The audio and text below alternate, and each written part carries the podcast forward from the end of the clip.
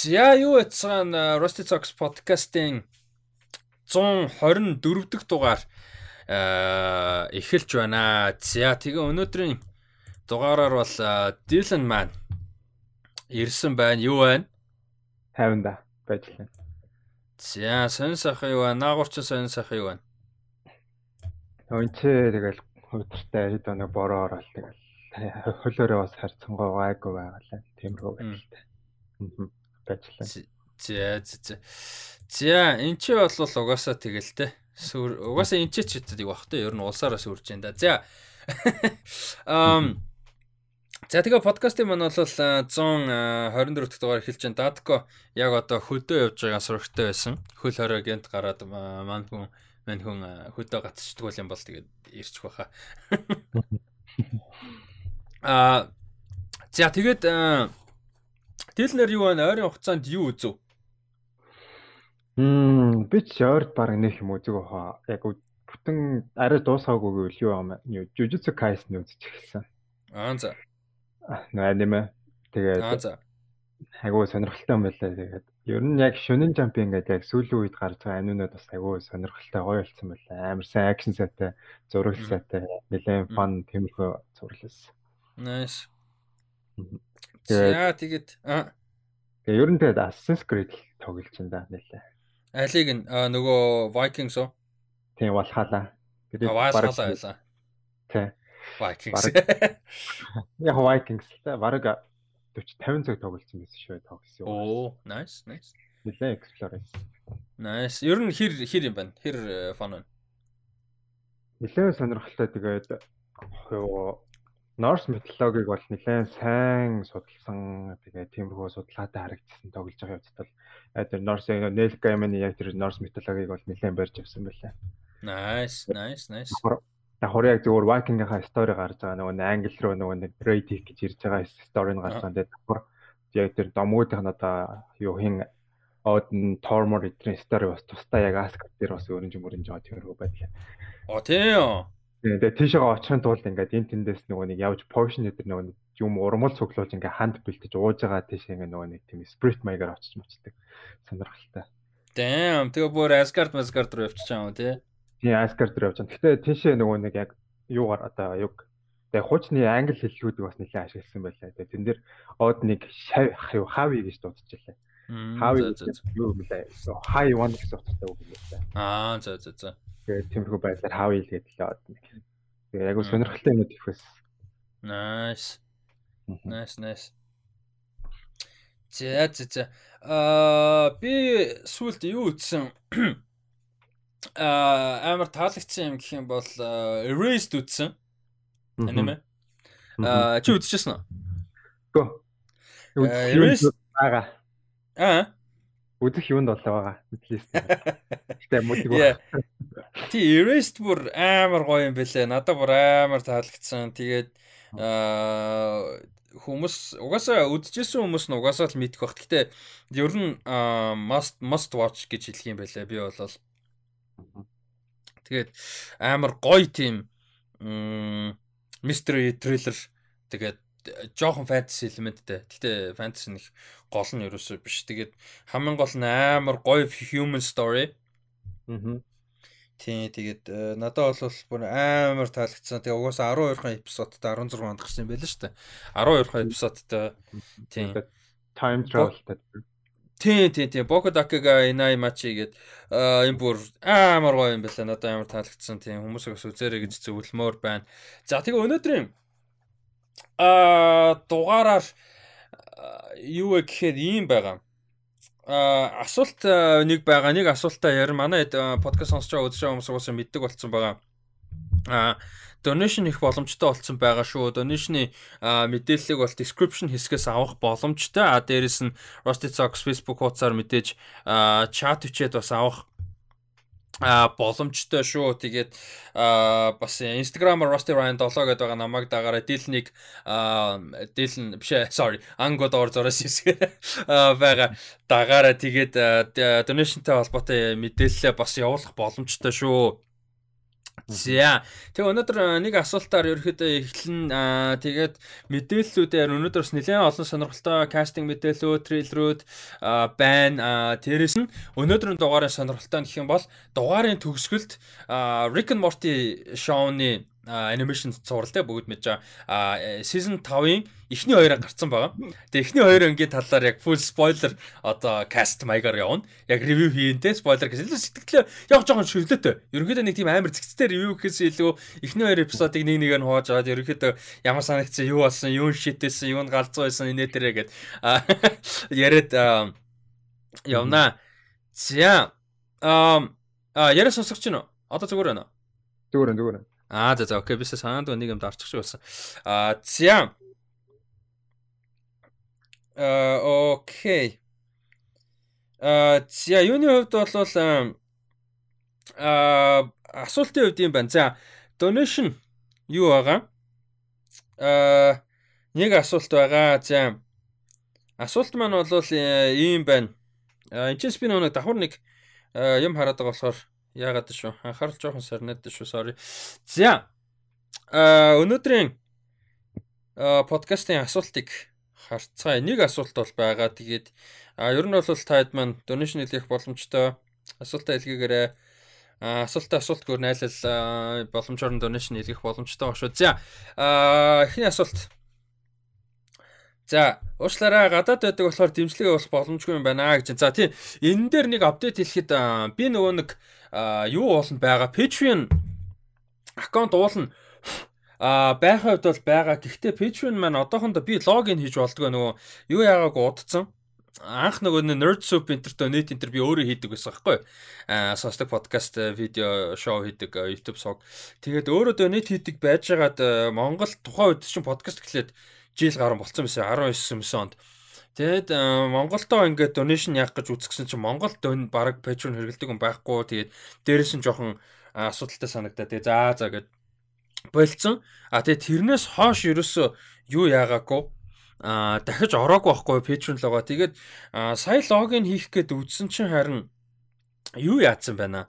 А сая логин хийх гээд үзсэн чинь харин тэр нөгөө нэг миний хуучин барьдаг байсан дугаарлуу нөгөө нэг юу яагаад two factor authentication гэдэг чинь нөгөө нэг логин хийгээд дахиж код очдаг. Тэр нь миний хуучин дугаарлаа яваад болдгоо. Миний хуучин дугаар байха болцсон ашиглалтантай хойлцсон. Тэгээд ерөөсө логин хийж чадахгүй те тэрэн дээр жоохон асуудалтай байгаа даа. Тэгээд би яг мэйл зээл бичээл энэ тэрээр нөгөө recover хийх гэдэг аккаунт. Тэгээд тэд нар болчихсон бол Patreon боломжтой байгаа. Гадаад байдаг хүмүүст маань бол PayPal бол бас Монголоос яадаггүй юм бэлээ. Аа болдоггүй юм бэлээ. Тэр нь бол жоохон асуудалтай. Аа Тийм. За нэг иймэрхүү юу болвол байна. Мэдээлэл байна шүү. Юуны тал дээр бол donation-ы тал дээр. За. Тэгээ асуултаа өргөжлүүлээ. Мэдээлэл өгөхөд тийм байсан шүү. За. Crypto wallet байдаг бол бит coin явуулж болно шүү гэж байна. Nice. Гэхдээ I don't I don't have crypto stuff. I feel like an old person, you know, like I have no idea how all these bitcoins and blockchains and these things work. I have no idea. I'm not interested anyway. yeah, like no idea how all that works. yeah. Uh хөгшөрж байгаа юм билгөө. За. Um За асуулт гэх юм уу, сэдвч гэх юм уу? Би сайхан Netflix дээр Game Changer гэсэн нэг ангитай доку докюментари үзээд энийг монголчуудад орчуулад үзүүлэх юмсан гэж бодож шууд төрсөн. Энэ баримтат кинон ерөөсөө хүнсний эрүүл ах эрүүл хооллолтын тухай 100% шинжлэх ухааны тайлбар судалгаан дээр хийсэн баримтат кино юм байлээ. Та хоёр ер нь эрүүл хоолтын талаар юу гэж боддог вэ? За энэ дээр чиний хариултыг сонсъё. Эхний ягаад гэж цаашаа энэ үргэлжлүүлээд асуулт байгаа учраас. Яг эрүүл хоолт гэдэг талаас нь. Аа. Ер нь эрүүл хоолтыг юу гэж боддог вэ гэж. Аа мэдээж яг хүн болгоны амьдралд мэдээж хэрэгтэй чухал зүйлээ нэг хэсэг буюу баримтлах баримтлах цаашаа зүгээр ингээд амьдралынхаа нэг хэв маяг болоод хөвчих хэрэгтэй юм болоо гэж бодож байна. Яг хүн болгоно нэг тийм утай амьдрахыг хүсхийг мэдэхгүй л байна л та. Гэхдээ зүгээр ингээд эрүүл байна гэдэг чинь өөрөө бас айгүй хэрэгтэй сте чухал. Тэгээд байн өвчтэй зүйл нэгээд байх зү. Тийм болохоор яг тэр тэрнээс салханд бол ингээд тодорхой хэмжээнд бас эрүүл хоолт байвал зүг баг гэж бодож байна. Тийм аа тийм эрүүл хоолт яг юу штэ бид нар тэгээ нөгөө нэг соёлоорооч тэр монголчуудын соёлоорооч тэр тэгээд одоо нөгөө нэг globalized болоод globalization болоод ч тэр одоо fast food мод гэдэг ч юм уу те а ер нь эрүүл хоолтон дээр бол нэг тийм амар анхаардаггүй анхаардаг байгаагүй метаболизм сайн явагддаг байхад анхаарах шаардлагагүй ч гэж боддог байлаа. Тэгээд одоо бол мэдээж хүнсний эрүүл мэнд нийгэм талаасаа эдийн засаг талаасаа дээрэс нь хувь хүнийг эрүүл мэнд урт наслахтай юу гэдэг а бүх тэр талаасаа бол амар чухал гэдгийг бол а ер нь бол чухал гэдгийг амар мэдчихэд ойлгочод байгаа шүү дээ одоо. Тэгээд бас бас нэг үе бодвол бас хүмүүс ерөнхийдөө бол айгүй нэлээд анхаардаг болсон байлээ. Аа. Эрүүл хоол гэдэг талаас нь тэгээд зүгээр өглөө ингээл гараа алхахад бол ингээл хөшин залуугүй гараад гүйж байгаа ч юм уу дасгал хийж байгаа тийм юм төслээд бол нэлээд харагддаг болсон байлээ. Тийм, ер нь хүмүүс эрүүл мэндэд аягүй анхаардаг гэсэн which is awesome. Um за өөртөө оролдож үзэж байсан би энэ юу яаж исэн keto diet аа нэг 2-7 хоног keto diet барьж үтсэн. Уул нь бол аягүй сонирхолтой юм байл л дээ. Үр дүнгийн хувьд бол байхаа байдаг эрүүл санаадаг би юм хөнгөрдөг тэгээд бас аягүй сонирхолтой төрчин fat mat зүгээр иддэг гэсэн мөртлөө юуг нь асчдаг ч лээ би одоо сайенс мөрчиж. Аа гэхдээ нэг юм би ерөөсөө ганц чадахгүй байсан юм keto diet барихад бүр хизээч чадахгүй нэг юм заяа. Ганцхан юм, ганцхан л problem. Тэрний юу гэсэн би будаагүй амьдарч чадахгүй юм байна. Гурилгүй no problem, махгүй no problem, дан ногоо fine. Зөөр явж байгаа л юу болвол будаагүй амьдарч чадахгүй. Би ерөөс явны тийм diet бол баримлж байгаа юм байна. Нэг жил 2 жил гарan фитнест явдаг багт яг л идтгээ иддэг лээсэн тэгэл тэрнээс өөр нэг эрүүл хоолт болтол санахгүй байна. Гэтэ хаач зүгээр бодож үзэх бас гайгүй эрүүл юмнууд иддэг юм байлээ. Nice. Би бол fast food бас амар идж байгаа. Ялангуяа сүүлийн хэдэн жил. За. Ам монголчуудад монголчуудад л энэ талаар зөв зүйтэй мэдээлэл дутуу санагдаг. Монголчуудад ганц л амьдрахаас хойш дуртай аймаа идэж байгаа дүхийг гэдэг үг их байдаг. Миний хувьд энэ маш хуваа хичээсэн бодол санагдаг. Хайртай хүмүүстэй бодчихлоо бол өөрийнхөө хайрлах өөрийгөө хайрлахаас эхлэх ёстой юм шиг санагдаг. Дотроо олон асуултаа хэтэрхий уртын бичсэн дурчлаараа. Зүгээр зүгээр асуулт урт байсан гэдэг асуулт байхгүй шүү дээ. It's fine. Um асуулт илгээс нь баярлалаа. Тэгээд тийм чухал сэдв бас хөндөж чинь гэж бодож чинь. Тэгээд тийм ер нь бол эрүүл хооллолтын талаар ер нь амьдралын эрүүл эрүүл амьдрах гэдэг талаар концептыг ер нь монголчуудад биднэрт монголчууд энэ биднэрт ер нь сайн суулгах хэрэгтэй юм шиг, сайн ярьж явах хэрэгтэй юм шиг, чухал сэдв байх хэрэгтэй юм шиг санагддаг. Бид нар ч угаасаа тэгж өсөөгүй, хангалттай мэдээлэл байгаагүй.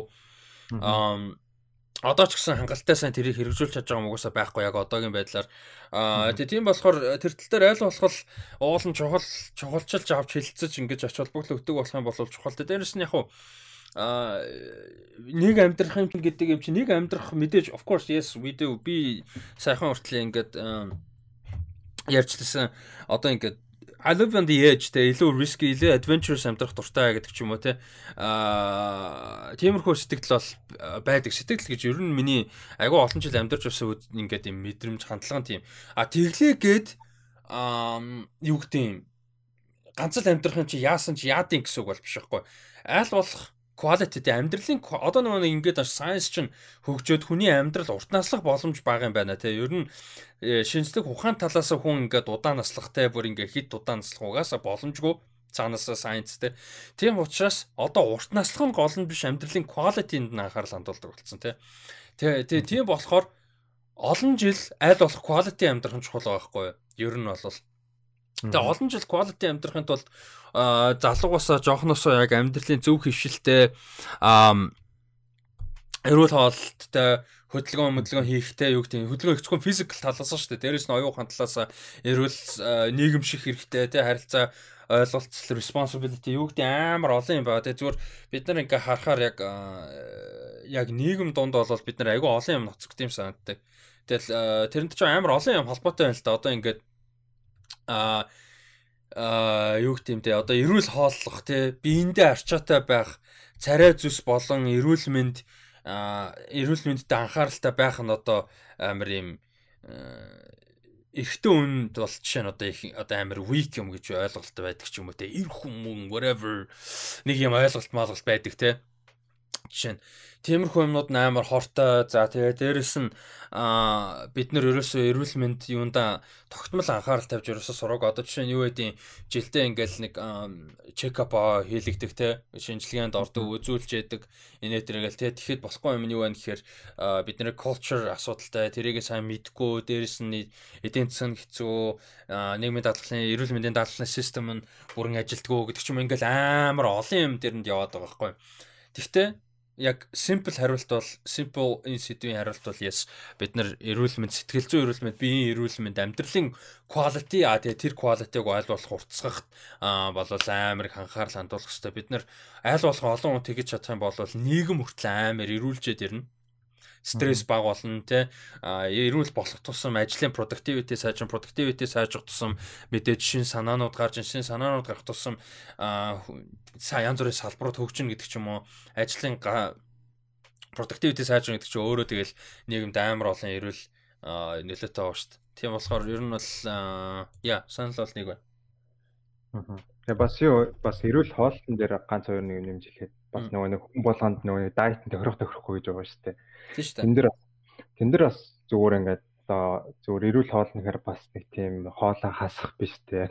Яг иддэг юм аа иддэг биш зүгээр ингээд бас өөртөө тохирсон тиймэрхүү дайтыг бас олоод төрөлжүүлээ зохиожул бас айгүй зүгээр юм бэл.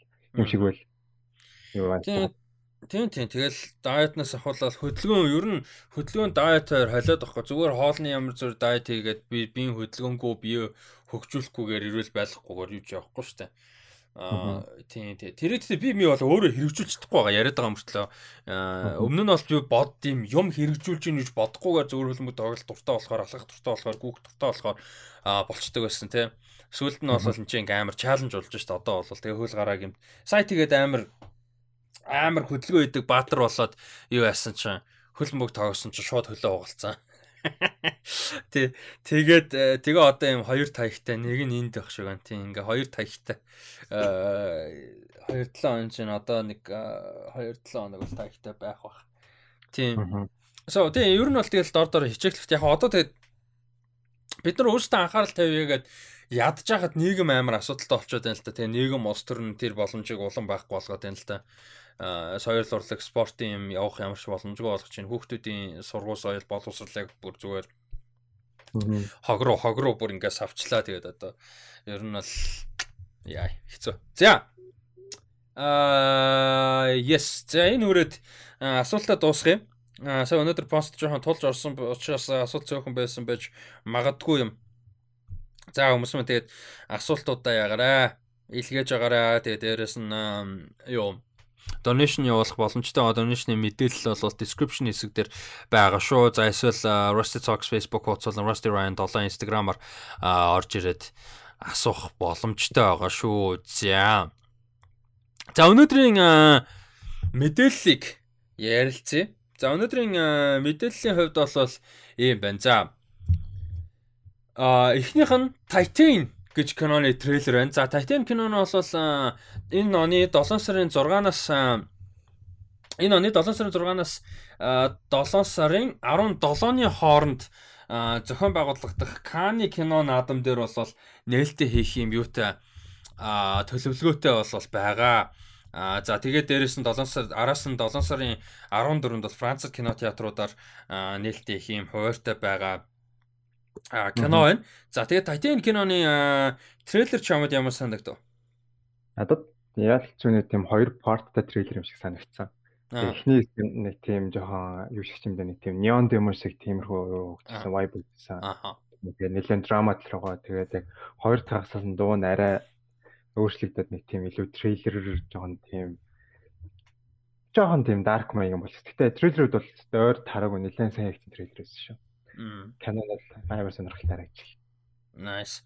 Тийм тэгээд найруулагч нь бол найруулагч зохиолч нь бол Жулия Докурнао Докурнао за Францаар одоо би зөв уншиж чадахгүй. Гэтэ Жулия Докурнао гэж энэ зохиолч найруулагч байгаа. Тэгээд энэ эмэгтэйгийн өмнө нэг 18 онд хийж гаргасан Raw гэх кино нь ер нь нэлээд хүмүүст хүрсэн инди хит болсон бас body horror жанртай болол бас нэлээд том шинэ Kickstarter-аас 15 он 16 онд юм шүү sorry Raw гэд RW RAW гэд Raw гэд um энэ кино бол нэлээд сайн явсан. Тэгээд бас кан дээр нээсэн юм байна. Тухайн ондоо.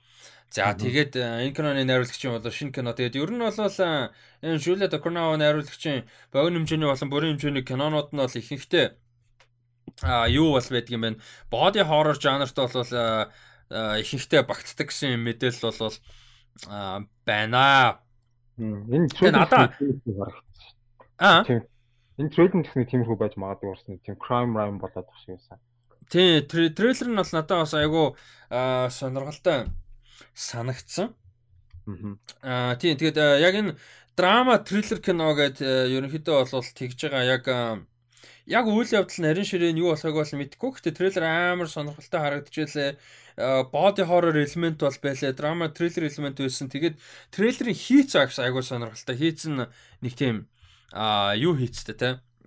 Дан хөгжмөндөр суурилсан, дүрслэлээр суурилсан нэг тийм зүгээр ай яваал ингээл текст мекст явахаасаа илүү те. Жохон шин содон хийцтэй.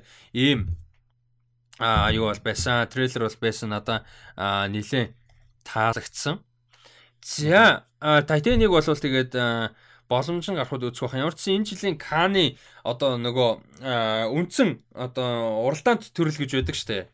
Уралдаант төрөлт нь одоо өрсөлдөж байгаа юм байлаа энэ жилийн Кан дээр. Аа. Тийм. За дараагийнх нь болохоор Франц уран бүтээл How I Became a Superhero гэдэг нэртэй. Аа Франц бүрэн хэмжээний киноны трейлер байна. Энэ нь болохоор 7 сарын 9-нд э, Netflix дээр орох юм байна. За энэ киноны трейлер чамд ямар санагдав? Яг тийм үзэхөө сонирхолтой харагдав нөгөө нэг юуны Jamie Foxx эдсэн Project Power гэдэг энэ дэр бас зурлаад байна. Тийм кино бай. Тэрнтэй ер нь үйл явдал нэг үстэй харагдав. Гэтэ арай сайн болсон байж магадгүй ба. Зарим нэг юм дэр тиймэрхүү харагдснаас нэг сонирхолтой кино шиг харагдав бай. За надад болохоор Ууг нь яг яг ерөнхийдөө бол тийм амар сүртэй мундаг кино мөн байгаагаар санагдаг үлдээ зүгээр юу байсан бэхээр нано өнөг хойлоо тэгээ дээрсэн дил навш дил нэг датко бас яриад байдаг шүү дээ. Хэдүүлээ ингээд өөр уусын project-ууд айгу сонирхолтой байдаг. Тэр талаасаа зүгээр ингээ Францууд юм суперхеро мөрөтэй, супер павертай хүмүүсийн тухай кино хийж байгаа надад сонирхолтой байсан. Аа тэгээд трейлерс харахад бол яг кино нэг тийм амар сүртэй мундаг байгаад байхаар бол харагдаагүй. А гэхдээ хангалттай ингээд бас нэг үзчихээ та гэсэн сонирхол төрсөн. Нэг тийм кино байдаг шүү дээ. Зүгээр for fun те үзье те ямар let's see те ямар хөө кино ах нь. Тэр талаас бол сонирхолтой санагцсан. Надад зүгээр ганц ингээд одоо юу гэдэг юм негатив хийж хэлж болохоор юм киноныхаа нэр яг яг ингээ англиараач тэр францаараа тэр францаараа comment je suis comment je suis devenu super héros héros héros heroes something yeah whatever францыг бүрчээр хийж байна. А тийм нэг юм ерөөдөө basically айл ал утга нь адилхан баахгүй how I become a superhero гэсэн. Um надад тэр нь амар тэнэг санагц. Яг нэг тийм ганц хоёр үгнээс бүрдсэн simple эвтэйхэн нэртэй байсан бол энэ кино хамаагүй сонирхолтой юм санагц. How I became a superhero гэдэг ч юм уу шууд нэг тийм сонь докюментари ч юм уу, mockumentary ч юм уу нэг тийм юм байх хэрэгтэй шиг болоо явж байгаа байхгүй. Аа. Яа, киноныхон тайтл надад амар тэнэг санагц. Зүгээр ингээд тийм зүгээр ингээд хүн ингээд нэрийг хараад бас үзэхгүй өнгөрөх боломжтой байдаг байхгүй. Тий, тий, тий. Трейлерыг харж бас айгүй дажгүй акшн бас фан харагдаад байгаа байхгүй. Тий. Трейлерыг харахад бол трейлер гинэ постерыг харах Постэр шатер нөгөө нэг томнэл тэр трейлерын томнэл тэгээ киноныхын нэрийг оруулах хүн ямар ч бүр үзэг тэр трейлер ч үзэх хүсдэггүйргүй байхгүй. Яа шууд скип хийгээл. Тийм. Тэгээ би бүр ямарсан дээр энийг хасцсан байж байгаа. За ямар ч байсан нэг үзчихье гэж одоо тэгээ үзчихэд оруулж байгаа нэг байхгүй. За 7 сарын 9-5 became a superhero орох юм байна шүү. За 7 сарын 23-нд Prime Video дээр action sci-fi байж магадгүй sci-fi action comedy Jolt Sci-fi гэд нэртэй sci-fi action comedy кино орох байгаа юм байна. А Таня Векстер гэж хүний найруулсан. Тэгээд гол дүрд нь Кэт Бекинсел туслах жүжигчдийн бүрэлдэхүүнд Stanley Tucci, Bobby Cannavale, Susan Sarandon, Jai Courtney, David Bradley гэсэн жүжигчдийн бүрэлдэхүүн бол байна. Ер нь бас гоё. Бас давгүй жүжигчдийн бүрэлдэхүүнтэй. А тэгээ киноны гол юм бол мэдээж action, sci-fi, comedy тийм хөнгөн action sci-fi кино тэгээ дээрэс нь Kate Beckinsale гол дүрт. За энэ трейлер ямар санагдав? Эхлээ үзэж байхад нөгөө юу шиг санагдав нэ тэр нэг Анжелина Жолин солт өгдөө шүү дээ. За. Тэрний дүү шиг санагдав. За. Тэгээ яг хоо трейлер нь харахад бас юу шиг нэл юу шиг санагдсан. Хинэ нөгөө юу Scarlett Johansson-ы тоглолт ч аюул лээ. Lucy. А тийм эхлээд юу ихний өнөдөр ихний ганц 2 минут нь Lucy шиг харагдчихсан. Тэгээд бүр э, яг амар бол харагдав. Гэхдээ зүгээр ингээд нэг нэг зав дундаараа үзэхэд бол айгүй тавгүй харагдчихсан. Тийм хөдрээ. Аа. Тэгээ надаас дэчгөө фан харагдсан. Гэтэ яг үнээр хэлэхэд энэ трейлер өөрөө сайн трейлер байгаагүй дээрэс нь кинон тийм сайн кино болох юм шиг санагдаагүй.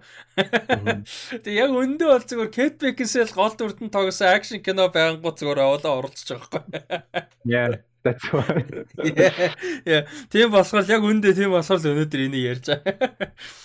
Аа тийм бүрэлдэхүүн бас гайгүй байна. Jai Courtney гэдэг. Тийм тийм бас Stanley Tucci Mucci те Тэгэхэр чин бас те бас яхаа үзчих бас юм байгаад байгаа маа.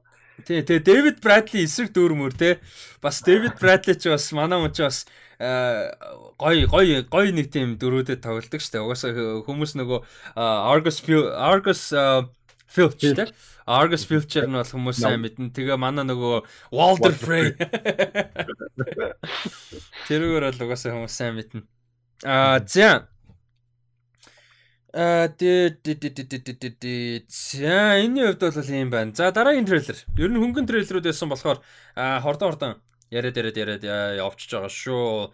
За аа дараагийн трейлер за саяных sorry. Саяны Jolt гэх кино маань болохоор юу юм бэ шүү. А Jolt-ийн трейлер гарцсан. Тэгээ трейлер аа тий Jolt маань бол 7 сарын 23-нд Prime Video дээр орох юм биш үү хүмүүсээ. 7 сарын 23-нд Prime Video дээр Монголоос үзэх боломжтой гэсэн. За а Jolt Sorry яа миний толгой одоо яацаад байгаа юм бэ? Jolt дээр ямар удаж вэ? Sorry. А дараагийн трейлер шүү. Дараагийн трейлер болохоор The Suicide Squad байгаа. За The Suicide Squad киноны final трейлер гарсан байгаа. Яг одоо бүрийн хэмжээний сүүлчийн трейлер те шин. А за энэ трейлер ямар санагдав? За шууд Ерөөсөл шууд газ үзмээр байх гэсэн сэтгэл төрсэн. Nice. Ерөөсөл газ гаргаад газ. Гэтэ кино театр яах юм бол би бас аймаг асуудалтай. Оо одоо тэгээ хотлоо орчлоо сая 8 сарыг дуустал олон нийтийн үйл ажиллагаа соёл урлаг соёл спорт тэ apparently наадам бас бусна тэ аа бүгдийг хорчлоо шүү дээ. Тэгэл ялч тэгж бодоод нэлээд харамсалтай юм. Яг газ үзмээр үзмээртэй кино театрт үзмээр тэмрүүл сэтгэл төрсэн да. Тэгээ дээр нь яг трейлерын дондор нэг Director of the Guardians of the Galaxy гэдэг бичиг харах юу тайтлаар хасан амар гоёсэн. Yeah. Тий, тэгээд үнэхээр сайгцсан байсан. Тий, трейлер бол үнэн фон трейлер байсан. Тэгээд Идрис Элбагийн дүр дээр нэлээд суурилж байгаа харагдсан. Тэгээ Bloodsport гэдэг дүр дээр. Аа. Тэр нь emotional ерөнхийдөө киноны emotional core нь яг Suicide Squad нөгөө нэг David Ayer Suicide Squad-тай адилхан санагц. Тэрэн дээр чи нөгөө Will Smith-ийн Deadshot тэгээ нөгөө охин бохно нэг story яадаг шүү дээ. Тэгээ өнгөт энэ дээр ерөнхийдөө тэрнтэй адилхан бас харагдсан. Гэхдээ мэдээж James Gunn хийж байгаа юм чи өөр юм зөндөл байх л баг л та. Аа тэгээд комедийн гой харагдан лээ. Cast угаасаа амар фон, амар өнгөлөг Аа тийм. Ер нь бол амар гоё санагдсан. Идрис Элбаг бас харах гоё байлаа энэ дээр. Тэгээд Джеймс Ган хийж байгаа болохоор ч тэр нэг бас дөрүүдийн бас chemistry хоорондоос нэлээд сайн байх гэж бодож байна. Яа. Нэлээд фан тэгээд бас мэдээж бас emotional хэсгүүд бас байна. Зөвхөн юунэр гэлтгөө Идрис Элба дээр гэлтгөө босод дөрүүдийн хооронд гэсэн бас сонирхолтой өрнөх тэргүүнүүд бол байх гэж бодож байна. Яа.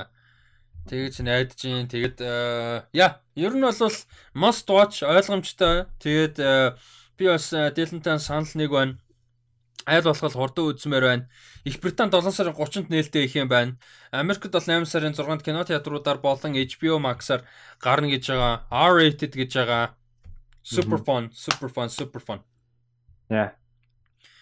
Нэг тийм. Тэгээ стил театраар болно үзэх хэрэгтэй. Тэгээ ер нь энэ 100 тэгээ манус зүгээр дусчлаа дөө.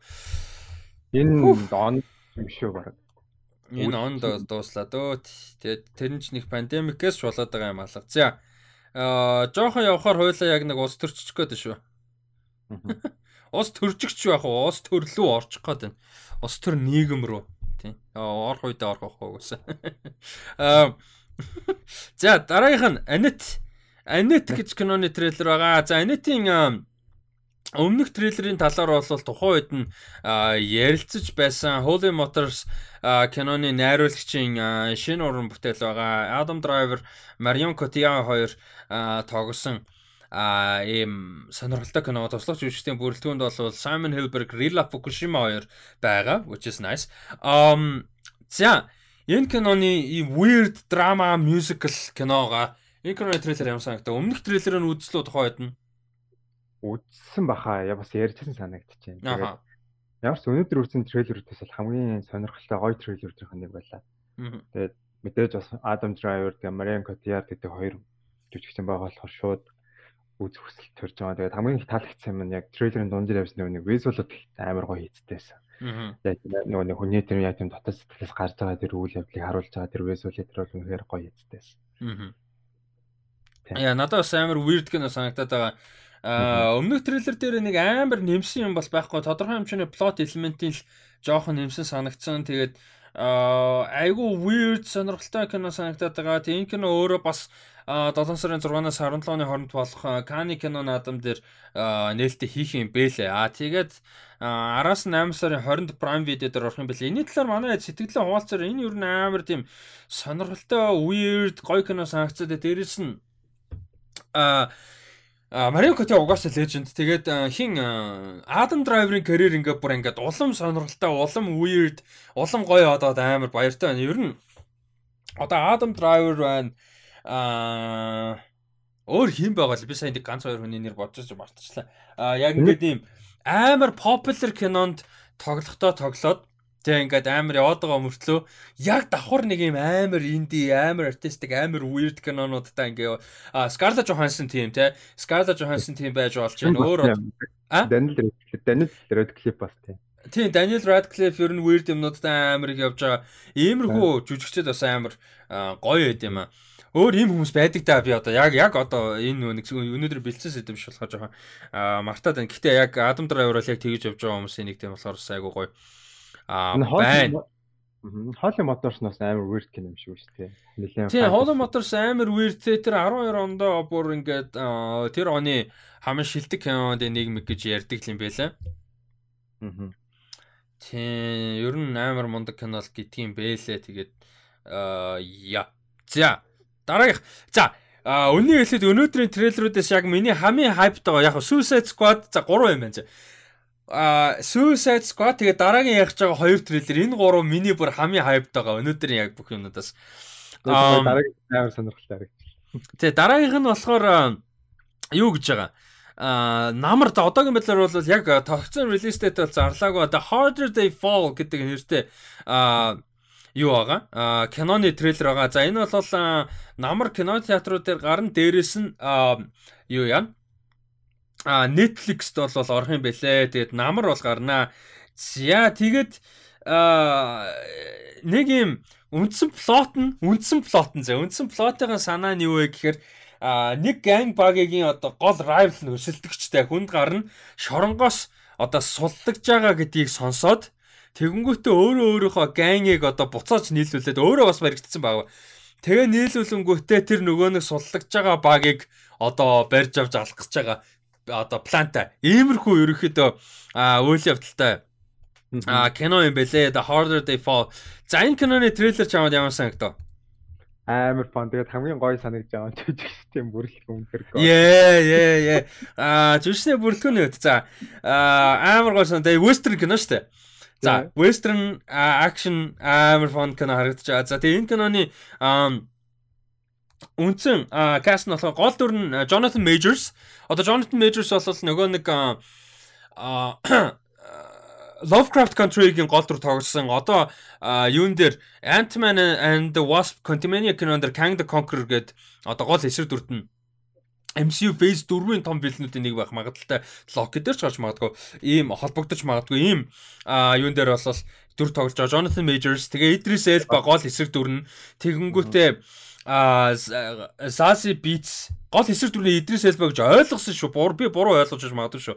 А тэгээ Zazie Beetz, Lucky Stanfield, Delroy Lindo а хин Regina King гэсэн ийм бүр бүр oh holy shit Justin бүрэлдэхүүнтэй. Regina King яг тийм wild west team drama тарахаас амар зүм харагчлаа. Yeah, yeah.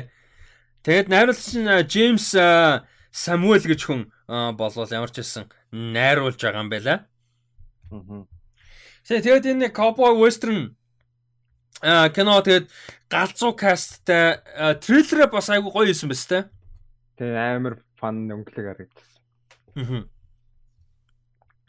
За энэ каст бол үнэхээр гоё харагдчихлээ. Яг Jonathan Majors бол ямар ч сан ганга цуглуулж байгаа. Тэгээд эцэг хээг нь алсан хүнээс өшөөгөө авах гэж байгаа а гэсэн плоттой байна. Өшөө авч байгаа хүн нь болохоор нөгөө эцэг хин алсан хүн шоронгоос суллагчаа. Тэгээ тэр хүн Идрис Элба гэж би ойлгосон. Гэтэ үгүй гэж магадгүй шүү. Энэ crew нь Идрис Элбаг суллаад байсан трейлер дээр тэгэхээр баг нэг crew байж магадгүй. Тэгэхээр эсрэг дүр нь өөр хүч үжигч юм байж магадгүй те. Аа. Тий. Аа зя Аа энэ бол амар гой санагдсан, амар фон харагдан лээ. Каст галзуу. Яа, супер фон. Манай да Fire Clothes-ийн хоёр байгаа юм шүү дээ. Jonathan Majors, Delroy Landa. Тий, Jonathan Majors, Delroy Landa хоёр байгаа. Тэгээд аа яа, хин Zazie Beetz гоё, Lakeith Stanfield гоё, Idris Elba fucking legend. Тэгээд Regina King obviously тий. Мм. Yeah. Cast бол янз. За аа каст янз тэ энэ дэр манай ядгаа сэтгэлдээ хуваалцаад хуваалцаад хуваалцаад хуваалцаад аа хуваалцаад яваараа ер нь амар фон харагдчихлаа шүү. За аа ер нь бол тий намар тэгээд театрт оруулсан кино Netflix-аар бол орох юм байна. Яа. За дараагийн трейлер тизер. За энэ бол тизер байгаа. Хоёр дахь тизер нь өмнө нэг тизер очсон байсан. Apple TV Plus дээр гарах Foundation. За Foundation цувралын а хоёр дахь тийсэр гасан. За эхлээд мэдээлэл өгчээ. За Foundation цуврал маань бол Isaac Asimov-ийн одоо Isaac Asimov гэх юм Isaac Asimov гэх юм а Isaac Asimov-ийн за одоохон би шиг босоод гоё юм харуулъя. Isaac Asimov-ийн Foundation нэртэй юунаас бол одоо зохиол цувралаас сэтүүлсэн юм юу байгаа. А кино одоо телевиз цуврал болж гарч байгаа. За тэгээд энэ цувралыг бол Дэвид С Гойер гэж хүн юу яаж байгаа? Хариуцаж хийж байгаа. Аа тэгээд мэдээж хамгийн гол хоёр дүрд нь бол Jared Harris, Lee Pace гэсэн хоёр мундаг жүжигчин тоглож байгаа Apple TV Plus дээр гарна. А season 1-ийн хувьд бол 10 эпизодтой байна. А энэ 10 эпизодын эхний 3 эпизод нь 9 сарын 24-өөс гарч ирлээ. 9 сарын 24-нд шууд 3 эпизод гараад дараагийнх нь 9 сарын 31 биш үл 10 сарын 1-нд чөлөө. Тэрнээс эхлээд 7 хоног болгоны нэг эпизод яваад 10 эпизод гараад дууссан юм байна. За тэгээд Isaac Asimov-ийн Foundation. Яа энэ Яа энэ гэтээ буруу харцсан байна те. Энэ камерыг флип хийх хэрэгтэй байна те. Яа. Надад бол зүгээр. Тийм. За чамд зүгээр харж байгаа бол тэгээд яа. Окей. Let's go. Um За тэгээд ямар ч байсан энэ бол амар гоё юм юу байна? Мэдээлэл байна. Тэгээд трейлер ямар санагдав? Мм яг харж байхад бол нэлээд амар том ambitious хийцтэйсэн амар бод өндөртэй амар зураг авалттай зурагтай видео эффекттэй. Тэгээд үйл явдал нь бол амар сонирхолтой. Яг ойлгомжтой байсан ойлгомжтой ойлгомжтой байгаа үгэлтэй тэгээд үйл явдал нь нэг тийм medieval sci-fi маягийн тийм харагдсан. Амар сонирхолтой эпик харагдлаа. Аа. Тий, надад бас амар эпик харагдсан. Тэгэд гол юм яг энэ нөгөө би надад ном нь байгаа ч гэсэн энэ ном нь байна. Гэтэ эхний энэ эхнийх нь л хэсэг нь баггүй. Эхний новел нь чинь цуврал. Тий, гэтэ Би бүтээр нь уншаагүй байгаа яг авчаад зүгээр цуглуулчаад ингээ уншаагүй байж байгаа. Тэгээд аа ер нь бол нэг тийм sci-fi adventure ч юм уу epic одоо sci-fi гэхээсээ илүү концепт нь амар epic. А гэхдээ гол юм нь амар philosophical гэсэн. Миний авсан ойлголтоор энэ цуврал нь ер нь энэ зохиол цуврал нь бол тэр чигээр амар философик юм. Тэгээд энэ үйл явдлын хувьд бол энэ Harry Seldon гэж докторын тухай гарч байгаа. Ерөнхийдөө Jared Harris-ийн дүр. За Jared Harris-ийн Harry Seldon болохоор энэ The Empire гэдэг байгаа. Galactic Empire бүр ингээ бүтэн галактикийг эзэлсэн амар хэдэн мянган жилийн түүхтэй те ийм амар epic empire. За тэгээд мань хүн болвол энэ Empire сүрх юм байна. Энэ Empire нурах юм байна гэдгийг урдчлаад олоод мэдчихдэг. Одоо таамаглалцдаг гэх юм а те.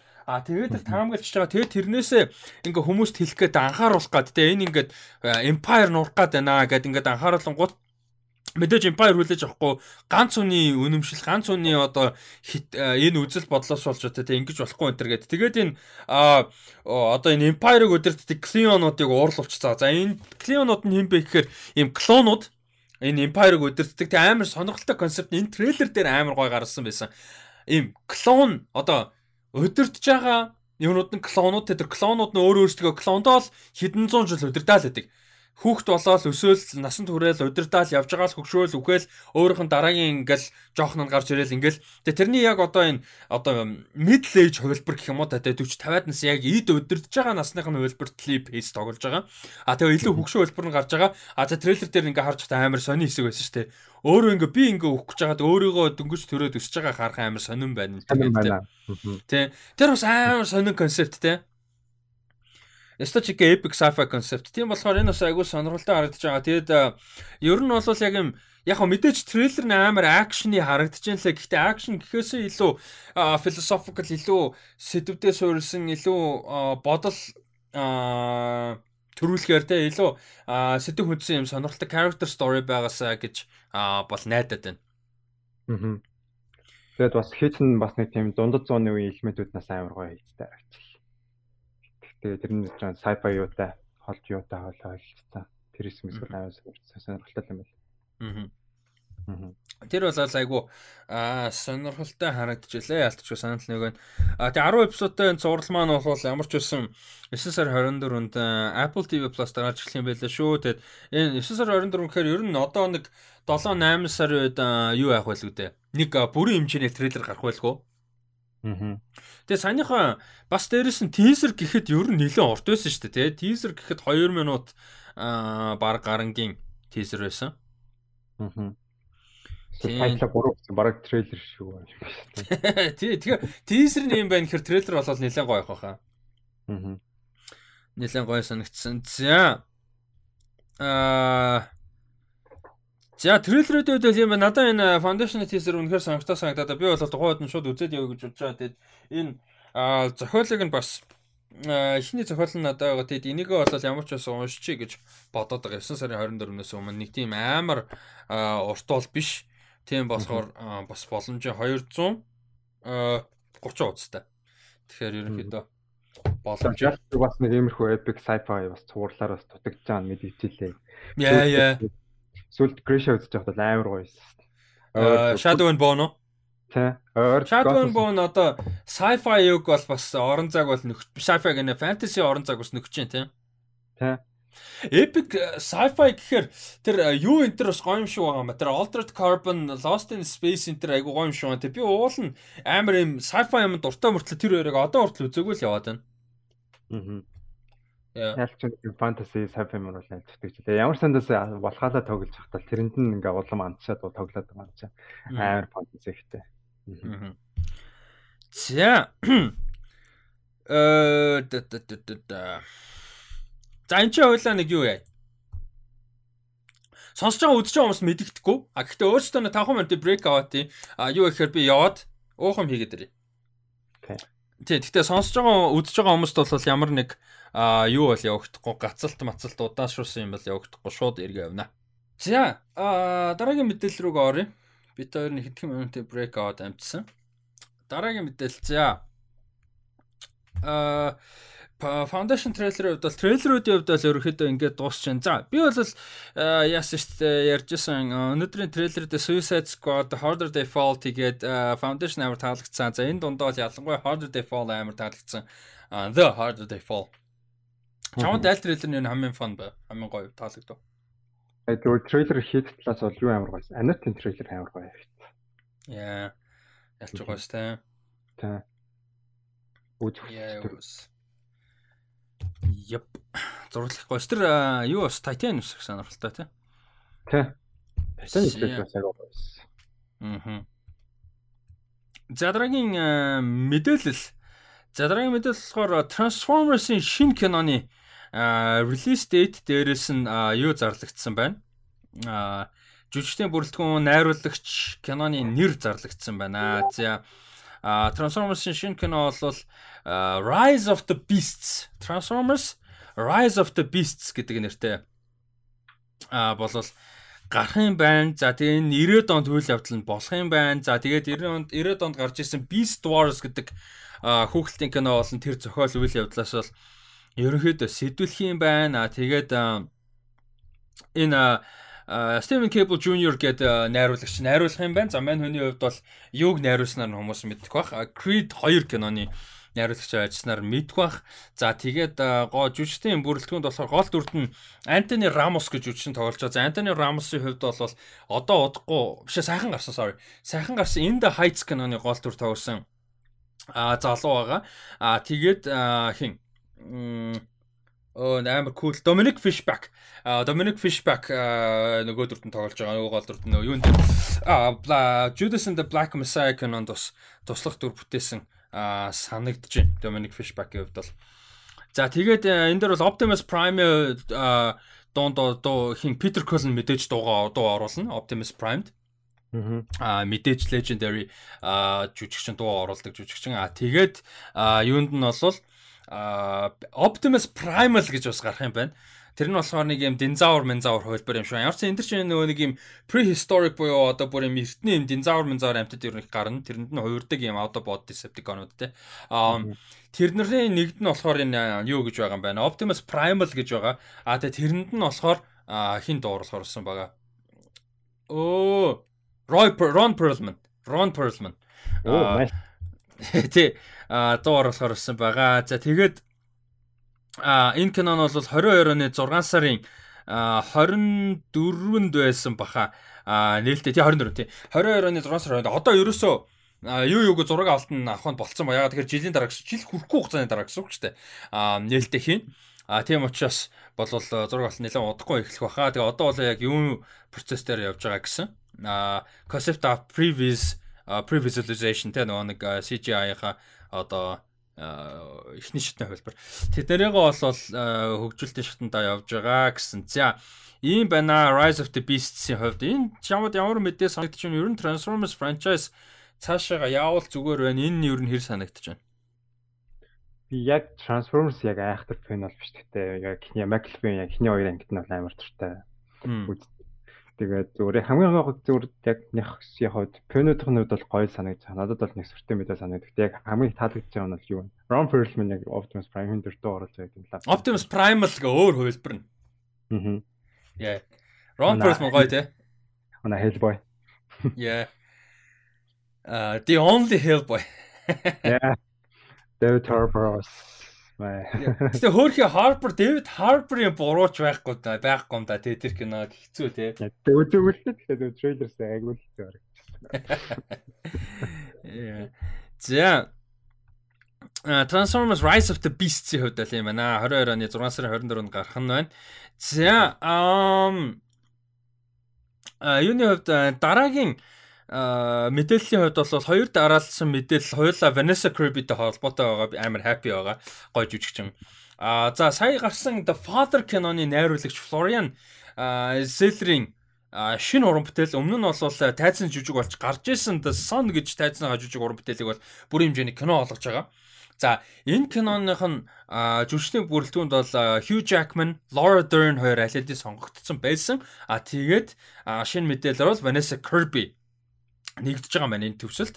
За тэгээ энэ киноны хувьд бол а залуу залуу одоо шин а одоо их нэртэй гэх юм уу те партнертайгаа амьдралаа ингээ явуулж байгаа дөнгөж шин хүүхдтэй босон ийм за гэр бүлийг харуулж байгаа. За тэгээ энэ гэр бүлийнх нь одоо эрэгтэй нь бол энэ ерөнхийдөө Питер гэдэг энэ дүр Хью Жакман.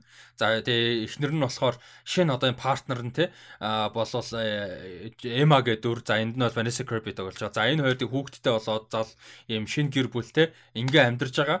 А тэгээ ингээд шинэ гэр бүл босоод ингээ амьдраа явж байгаа хугацаанд нь юуны хиний Питер буюу Хью Жакманы дүрийнх нь X нь гараад ирж байгаа. Хуучин ихнэр нь. За хуучин ихнэр нь дүрд нь Laura Dern тоглосон ба тэгэд гол асуудал нь яасан бэ гэхээр хуучин ихнэр гарч иртээ гол асуудал нь яасан гэсэн чинь хүүтэйгээ гарч ирж байгаа. Тэр хоёрын хүү гэсэн. А тэгээ тэр хоёрын хүү нь болохоор өсвөр насны хүүхэд амар асуудалтай хичээл номдоо явахгүй байгаа. Амар асуудлуудад их орж байгаа. Тэгээд ийм төргөө ууртай те ер нь л юм асуудалтай тийнейжер байгаад байгаа. Тэгээд энэ бүхнийг одоо шинэ гэр бүлтэй одоогийнхоо партнер шинэ гэр бүлээ жоохон хөвгтэй дээрэс нь хуучин ихнэр өөрийнхөө одоо өмнөх гэр бүлээс ясан хүүгээ те том хүүгээ яаж энэ бүх амьдралыг баланслах уу гэсэн сэдвийг хүндсэн юм жүжиг байд юм байна. Ийм зохиолтой үйл явдал байд юм байна. Тэгээ энэнийг бол кино болгож байгаа юм байна. Тэгэд хэрвээ The Father киног үзсэн юм дэл нь үзсэн шүү дээ. Үзсэн. Хэдүүлээ баг хамт үзлээ. Яла арай өгөөчлөө хамт хамт даад гурав хамт тийм а тийм шүү дээ. The Father-ыг үзсэн хүмүүс бол мэдж явах юм бүр ингээд тийм энгийн юм шиг яг энийг би энгийн гэж юм шиг. Гэхдээ зүгээр энгийн драма шиг сэдвийг барьж аваад ямар амар агуу продакшнтай, ямар амар мундаг зураг авалттай, ямар зүүн диалогтой, гоё найруулгатай бүр ингээд те тэр хідэн левел акцент юм кино чаддаг уран бүтээлч юу гэдгийг The Father-оор бол мэдэрсэн. Тэ. Тэгэхээр энэ сэдв бол угаасаа амар зөвүүн драмаас нөхцөл байна. Тэгээд өнгөд энэ дээр Florian Zeller энийг өөрөө угаасаа жүжиг хийж исэн байлаа. Тэгэхээр энийг кино инхээр бол надад амар санагдчих. Шинэ Father яг энгийн гэдэг нь бас зүгээр ингээд амьдрал дээр байдаг хүмүүсийн тухай гаргаж байгаа. Гэхдээ тэрийг ингээд харуулж байгаа нь өөрөө амар болоод байгаа. Тийм болохоор бас яг энэ сэдв дээр бас өөрийнх нь үнцийг яаж гаж ирэх гэдэг нь сайн сонирхолтой байдаг.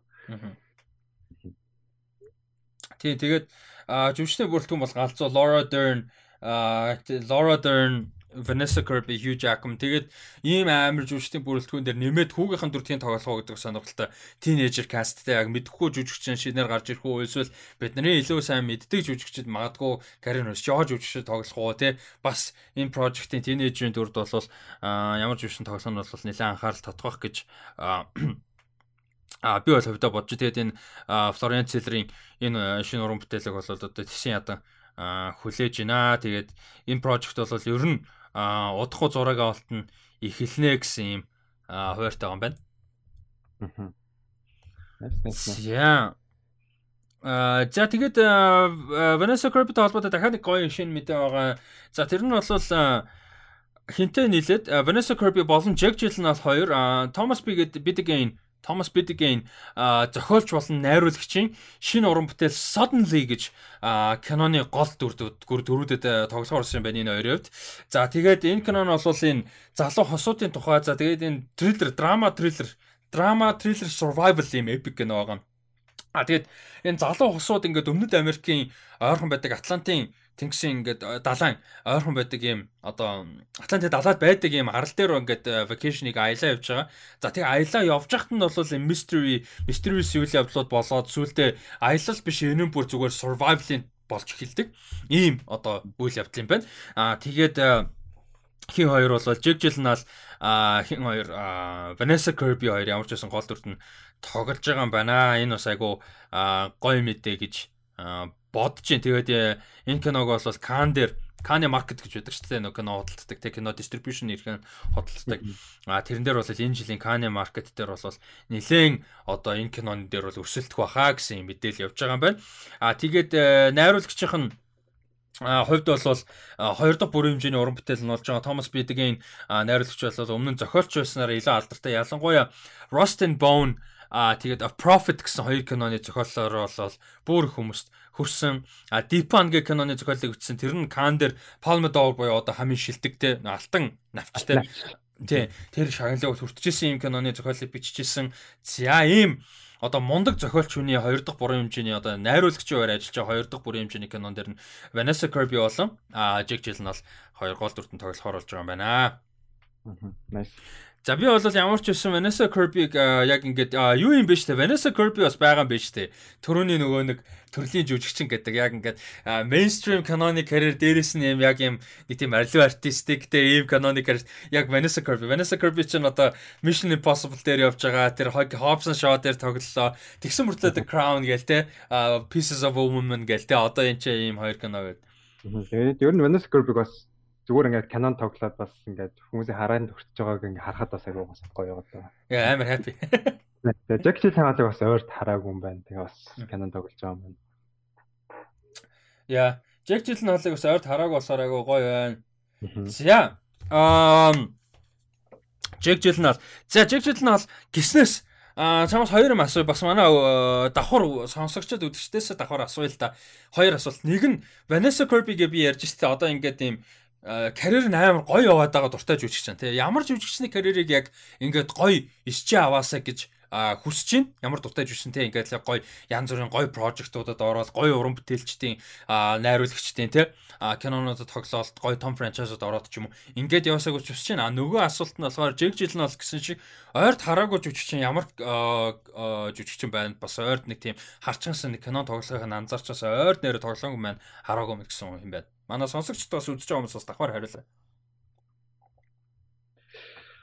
Мм за тийм жүжигчин ч одоо хийм бэ.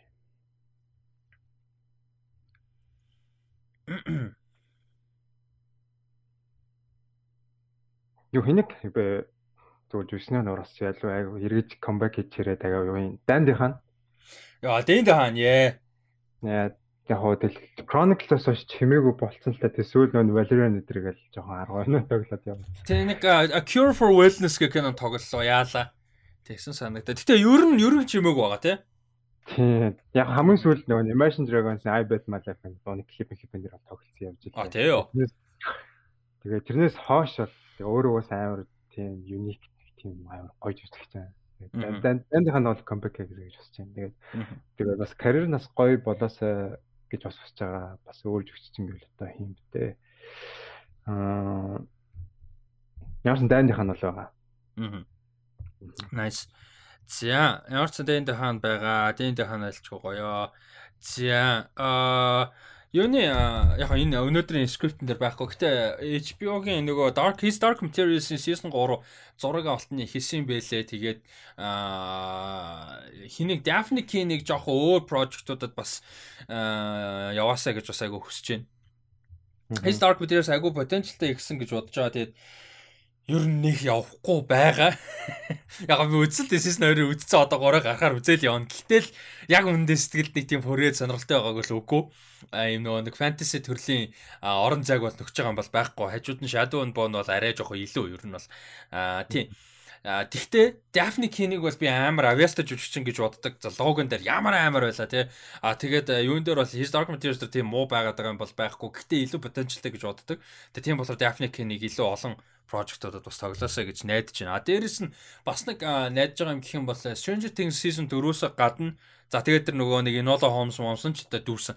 Тэрнээс гадна зүгээр хин а Millie Bobby Brown-ыг зүгээр тэр Godzilla Mozilla энэ биш зүгээр илүү жоохон level багтай инди драма тэгээ илүү жоохон performance шаардсан илүү жоохон гоё сайн жүжигчдийн бүрэлдэхүүнтэй те магадгүй сайн жүжигчтэй нэг сцен дээр те хамт ингээд тоглоод скиллээ гаргаад сайжраад ингээд явхаар ийм прожектуудад бас арай жоохон ороосоо гэж найдаж чинь дандаа юм популяр юм гэхээс гадна Ягаад тэгэхээр би одоо бол Millie Bobby Brown амар популяр болсон. Гэхдээ анх сизон нэг дөнгөж гарч байхад ямар амар мундаг жүжигчин хүүхд гарч ирж байлаа тий. Тэгээ яг тэр тэр нэг амар мундаг жүжигчин юм нь жоохон дарагдаад байгаа юм шиг надад санагдаад байгаа байхгүй. Popularity нь жүжигчнийх нь авьяасыг ингээд дараад байгаа юм шиг. Нэг тийм одоо Ariana Grande жишээ нь хин хоёр, Miley Cyrus хоёр амар мундаг хоолойтой амар сайн дуучид. Гэхдээ ингээ popularity pop юмнууд нь ингээ бүр тэрийг нь хэд мянга давчдаг. Тэр нөгөө нэг гол юм хизэж ярьдгүү ч юм уу. Тэр шиг ингээ Millie Bobby Brown-ы авьяас болгол амар байгаад байдаг. Тэгээ тэрийг яг ингээ гоё тест хийсэн чаленж хийсэн юм нэг хангалттай хийх байгаа юм шиг надад жоохон санагдаад байгаа. Яа. За дараагийн мэдээлэл э, дараагийн мэдээлэл болохоор э, Snow White. За ойлгомжтой угаасаа Disney бүх кинонуудаар ремейк хийж байгаа. Тэгээд Snow White-ийн ремейк хийх нь тодорхой.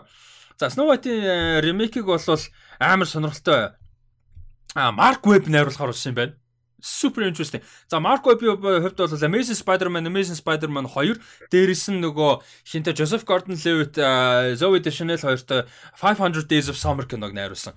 Ийм найруулагч байгаа. За мань хүн бол зохион хамтарч хүчээд найруулагчаар нь болвол ажиллаж байгаа юм байна. Тэгээд гол дүрд нь Snow White-ийн дүрд одоо энэ энэ жилийн сүүлээр гарч байгаа Steven Spielberg-ийн West Side Story киноны гол дүрдийн Maria гэж дүрд бол одоо карьерийнхаа анхны бүрийн хэмжээний кинонд тоглосон Rachel Zegler гэж залуу жүжигчин тоглохоор болж байгаа юм байна. За энэ жүжигчний хувьд бол ерөөсөө дөнгөсөд дурдсан тийм.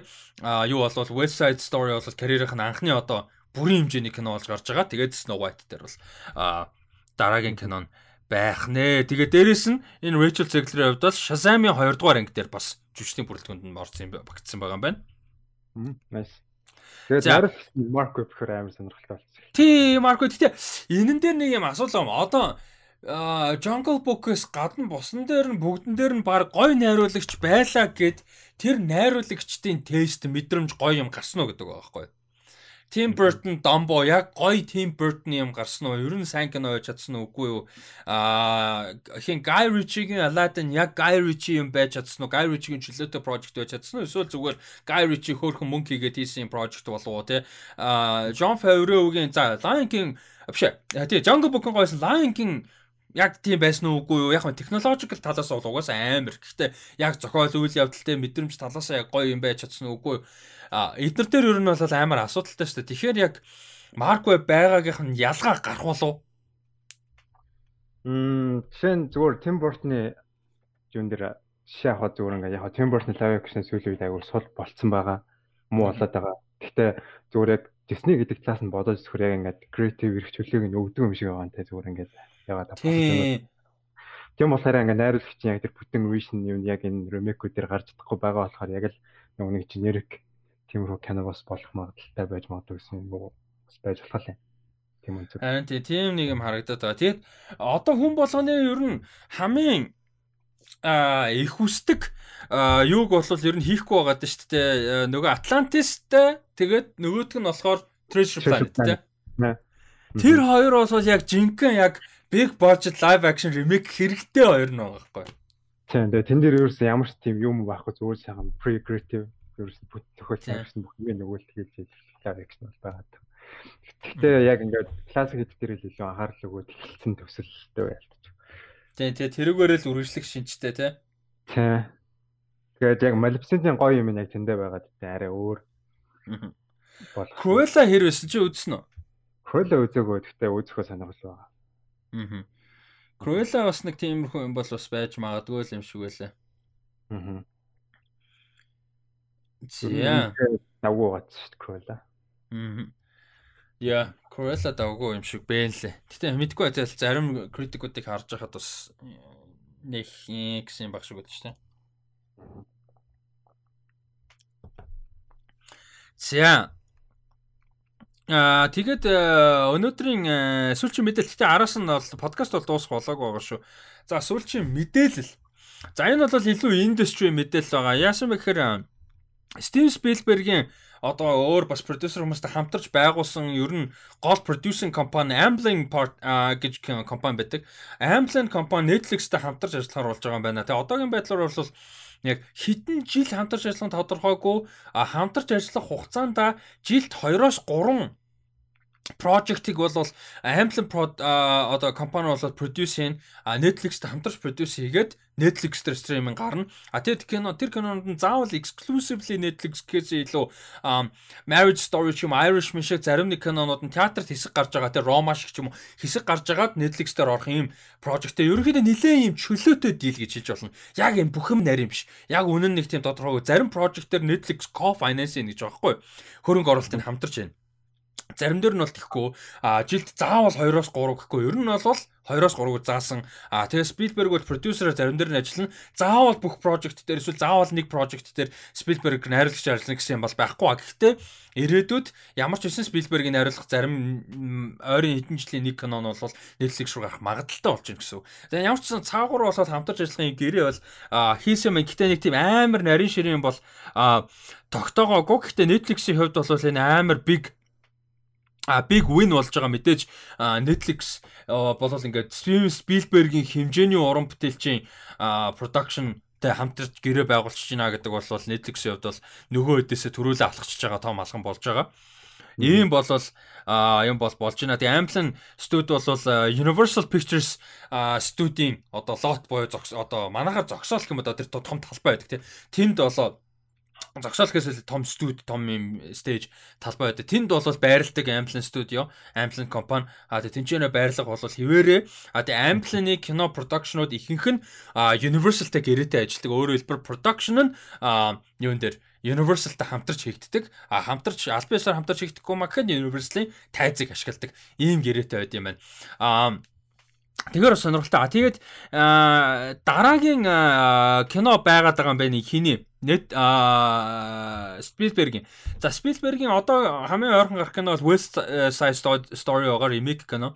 Классик киноны ремейк. За дараагийнх нь уран бүтээл бол одоо semi autobiographical буюу одоо өөрийнхөө амьдралаас ерөнхийдөө тодорхой хэмжээнд сэтүүлсэн ийм comedy drama хийж байгаа юм байна сонирхолтой. Одоогийн байдлаар киноных нэр бол байхгүй. Харин энэ киноных нь жүжигчдийн бүрэлдэхүүнд бол Seth Rogen, Michelle Williams хоёр байгаа юм байна. Like interesting Spielberg-ийн дараагийн кино comedy drama өөрийнхөө амьдралаас тодорхой хэмжээнд сэтгүүлсэн. Тэгээд Seth Rogen, Michelle Williams. Interesting. Yeah. Тэгээд энэ кино нь бол Universal дээр distribution явах магадлал бол өндөр байгаа гэсэн мэдээлэл байна. Netflix-ийн дийлтэй бол тэр нэг хамрагдахгүй гэж байгаа юм байна. За тэгээд өмнө нь Netflix Amplin 2 бол хамтарч байсан жишээ байгаа. За нэг том жишээ нь бол саяны Oscar 6 Oscar-д нэр дэвшсэн The Trial of the Chicago 7 кино байгаа. За энэ кино бол Paramount дээр дистрибьюшн нь бол яригдчихсан. А гэхдээ ковидын үеэр бол эрхийг нь Netflix зарсан. Тэгээ Netflix Amazon 2 хамтарч тэр киног бол релиз хийсэн. А дээрэс нь Netflix Amazon 2 яг одоо хамтарч ажиллаж байгаа шинэ project гэх юм бол Bradley Cooper-ийн дараагийн найруулж байгаа уран бүтээл. А за Bradley Cooper бол мэдээж найруулагч болсон тий сая сүлд Star is Born-оор бол карьер нь шууд тий жүжигчин найруулагч карьер нь шууд ингээ өссөн. За мань хүний дараагийн а найруулагчийн хуваар ажиллаж байгаа дээрэс нь бас гол дүрдэн тоглоно гэж яригадаад байгаа. А бүтээл бол Leonard Bernstein, Leonard Bernstein гэж одоо хөгжмийн удирдаач оркестрийн удирдаач хүн бол байдаг Америкийн. За тэгээ энэ удирдаач хүн бол ерөөсөө 20 дугаар зууны за урлагийн Америкийн урлагийн ер нь удирдаачийн түүхэнд тэгээ удирдаат гэж удирдаач гэж мэрэгжил одоо энэ урлагийн одоо оркестрийн түүхэнд бол хамгийн агуу, хамгийн их нөлөөтэй, хамгийн одоо шилдэг юм одоо юунууд ял удирдаач нэг гэж яригддаг юм хүн байдаг юм байна. Leonard Bernstein гэж. За энэ хүний талаар бол киног бол Bradley Cooper найруулж гол дүртэн тоглож байгаа. За энэ киног болол Amblin болон Netflix хамтарч хийж байгаа манай. Тэгэхээр Netflix дээр энэ кино гарна гэсэн үг. Аа тэгээд энэ киноны нэр нь бол Maestro, Maestro гэдэг нэртэй. Аа тэгээд а кинон яг одоогийн байдлаар бол pre-production level дээр явж байгаа юм байна. Тэгэхээр ийм жижиг кино бол а pre-production одоо явж байгаа гэдэг чинь амар хурдан баг арай Oscar season дээр амжих юм болоо үгүй болоо арай амжихгүй байж магадгүй энэ энэ энэ намар те өвлийн ерөх Oscar season дээр амжихгүй махад дараа жил бол баталгаатай гарчна гэсэн үг шүү дээ. Магадгүй баг энэ жилийн Oscar season дээр ороод ирч юм магадгүй ийм бол project бол байгаа юм байна. За тэгээд энэ бол нэлээд том дийл болж байгаа. Аа тэгээд Amplin Amplin компани хувьд бол сүүлд хийсэн өөр кинонууд гэх юм бол Green Book киног хийсэн байна. За 1917 дээр оролцсон co-production-ыг хийсэн. А дээрэс нь The House with the Clock in its Walls гэдэг нөгөө нэг Jack Black-тай хүүхдийн horror кино болол бас тэрэн дээр ажилласан юм байна. За тэгээ Amplin юу хоёрын хувьд бол ийм байна.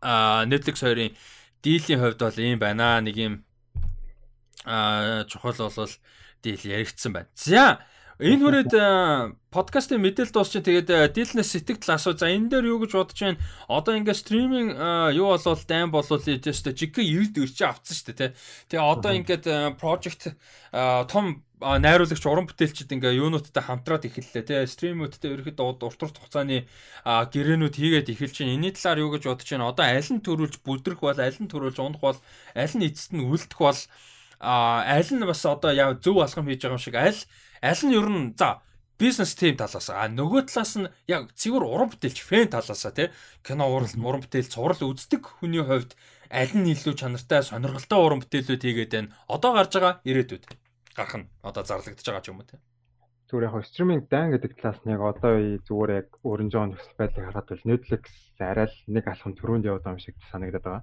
бүх талаасаа Яг тэгэхээр уусаа Arda backup зөвхөн юм юмнууд дээр суурилсан. Subscription-ээрээ суурилсан ганц компани, streaming компани байгаа болохоор хамгийн түрүүнд хамгийн том риск нээж ба хийж байгаа болохоор хамгийн зөв үйлчлүүдийг хийж эхэлж байгаа уу гэж байна. Мэдээж том одоо streaming саяны тэр Spielberg-тэй хандарч байгаа жишээ нь deal mill тэр бол миний хувьд бол болох юм гэж бодож байна. Гэтэ тэр гэрэн дээр бас ямар юм анхаарах вэ гэхээр одоо чинь сая юун дээр HBO тэгээд хин Warner Bros. 2 дээрээс ажиглаж хаад бол Tenet дээр ингээл ноолон болохоор зүгээр юун дээр стриминг сервис дээр оруулахгүй гэж хаад бол HBO шууд хүчээр оруулж авах жишээ нь оруул моруул нэг зүтгэж байгаа. Тиймэрхүү талмал дээр бас ямар асуудал, ямар юун дээр зөвшөл грэмэрэн дээр зөвшөлдөж байгаа бол тиймэрхүү юм зэр бол ямар юу ямар шийдэл гаргаж байгаа бол тэр мөрийг нь бол бас оролцуулсан тийм зөв гэрээ бас байгаасаа л гэж бас хүсэж байна. Тэгээд ер нь бол яг ингээ одоо ажиллаж байхад бол Netflix бол арай л хамаагүй нэг төвшин нэг нэг алхам нэг төвшин нэг юугаар илүү явж байгаа юм болоо гэж бодож байна да. Аа. Тий, тэгээд уран бүтээлүүд талаас аль нь илүү сонирхолтой бүтээлүүд прожектууд хөгжүүлж байна. Одоо Apple TV Plus бол нэлээд хаягдчихсэн шүү дээ, тий.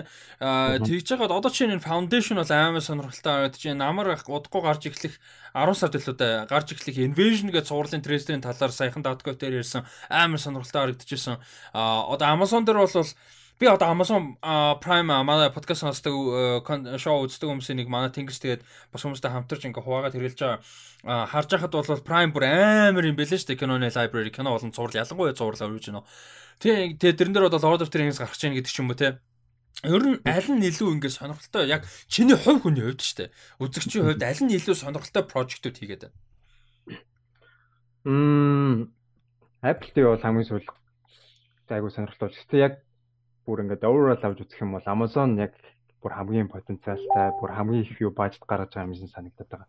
Жишээ нь юу нэр бүгсний эзэн гэхэд л тэр гаргаж байгаа зарцуулж байгаа мөнгө нь бол яг Amazon-ы хувьд бол зүгээр ингээд юуч биш байгаа даа байхгүй. Тийм болохоор ийм амар backup-тай компани цаашаа тас юун дээр бас ямар мөнгөөр мөнгө гарах тэр бол ер нь асуудалгүй болчих юм чинь нэлээ том том потенциалтай төслүүд дээр нэлээ ажиллах болох болов уу гэж бодож байгаа болохоор Amazon яг хамгийн ирээдүйтэй стриминг сервис бол харагдаж байгаа юм байна.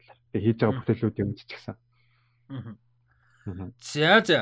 Аа сэтгэлтэй уулзсанд баярлалаа. Тэгээд ямар ч үсэн энэ хүрээд подкастын болол үлдсэн мэдээлэл хэсэг бол өндөрлж байна. Тэгээд одоо хэв ярилцах гэхээр хэдүүл юу яа? Яг специалист юу аач мэдээлэл хөргөч. Аа за яа яа of course of course. За зүгээр ингээ унш сайн уншсан юу л л та. Аа за. Battlefield 2042 гэж гарч байгаа дээ. За. Та шинэ анги нь. Тийм, тоглоом тий. Тийм, тоглоом. Тэгээд тэрэн дээр ингээд яг ингээд exclusive нэг юутай хамтарч байгаа нь Xbox Xbox Series X-тэй хамтарч байгаа юм байна. Гэхдээ тоглоом нөр зөвхөн Series X дээр exclusive болж гарахгүй. Юун дээр вэхээр юу нэлээ л байгаа чигээс нэг тийм performance тал дээр нь илүү сайжирсан тиймэрхүү болж гарах юм шиг байна. Тийм partnership болж байгаа юм байна. Тэгээд тэр дийл дээр нэг сонирхолтой юм байгаа нь одоо console gaming advertisement гэсэн юм байгаа юм л та зүгээр шуум байгаад. Тэр нь ямар утгатай вэ гэхээр одоо чинь гар утсан дээр ингээл тоглоом тоглож чад дундуур найц advertisement дээр явдаг та. За. Гар утсан дээр жишээ нь одоо бид компьютер тоглоомнууд дээр ямар байдлаар орж ирдэг хэрэг одоо чинь нэг тоглоом эхлүүлээд л нүүдийн лого мо гарч ирдэг тест ийм дээр тийм үү байлаа гарч ирдэг. Тэнгүүд яг энэ advertisement-ыг одоо дараагийн түвшинд яаж хөгжүүлэх вэ гэсэн чинь яг console дээр тиймэрхүү advertisement оруулж ирэх тийм төлөвлөгөө байгаад байгаа юм байна.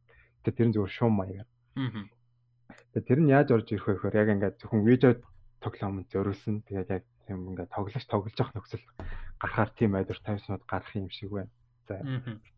Тэгээ тэр нь яг яаж гарахыг нь бол мэдгүй юм чинь тоглож явахад бол нэг тийм тоглоом. Тэгэл аккаунт аккаунтаас нь хамаарах байлгүй дээ.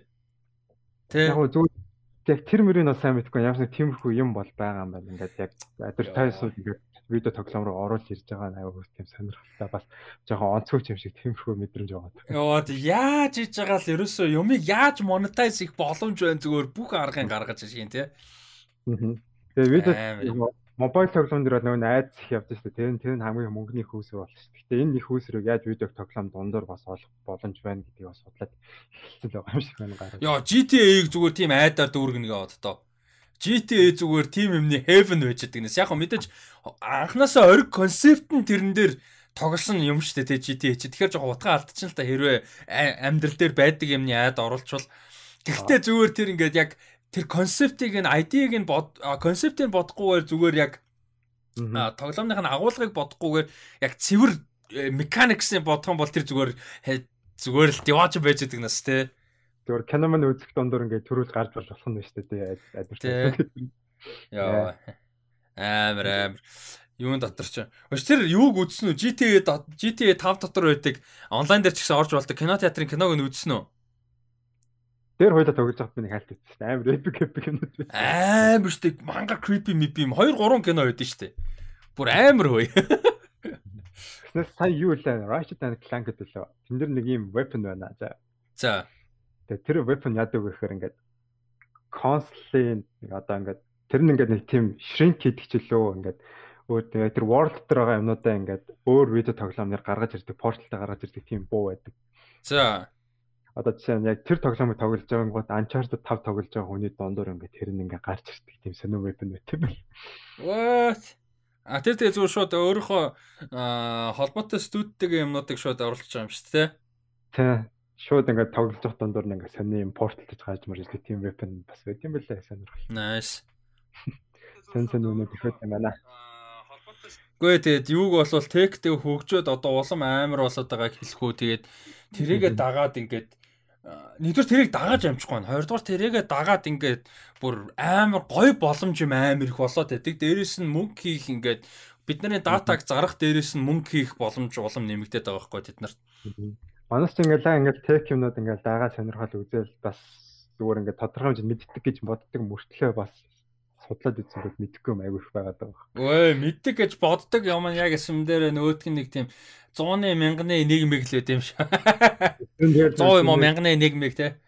Galaxy Galaxy iPhone лав та тэгэл энэ өөрөөр хязгаарлагдаж байгаа байхгүй. Тий, тий. Тий нэг нэг тий тий нэг Galaxy iPhone whatever тий нэг basic нэг Xbox XS нэ тэр PlayStation 5 гээл дуусч байгаа байхгүй яг тийм mainstream юмнуудаар хязгаарлалт юм уу яг тийм жижиг юмнууд орж ирэнгөө аа аа. Яа. За А энэ үрээ тэгээд мэдээлэл хэсэг маань бол өндөрлж байна. Тэгээд энэ хүртэл ямар ч хамтаага бүгдд нь баярлалаа.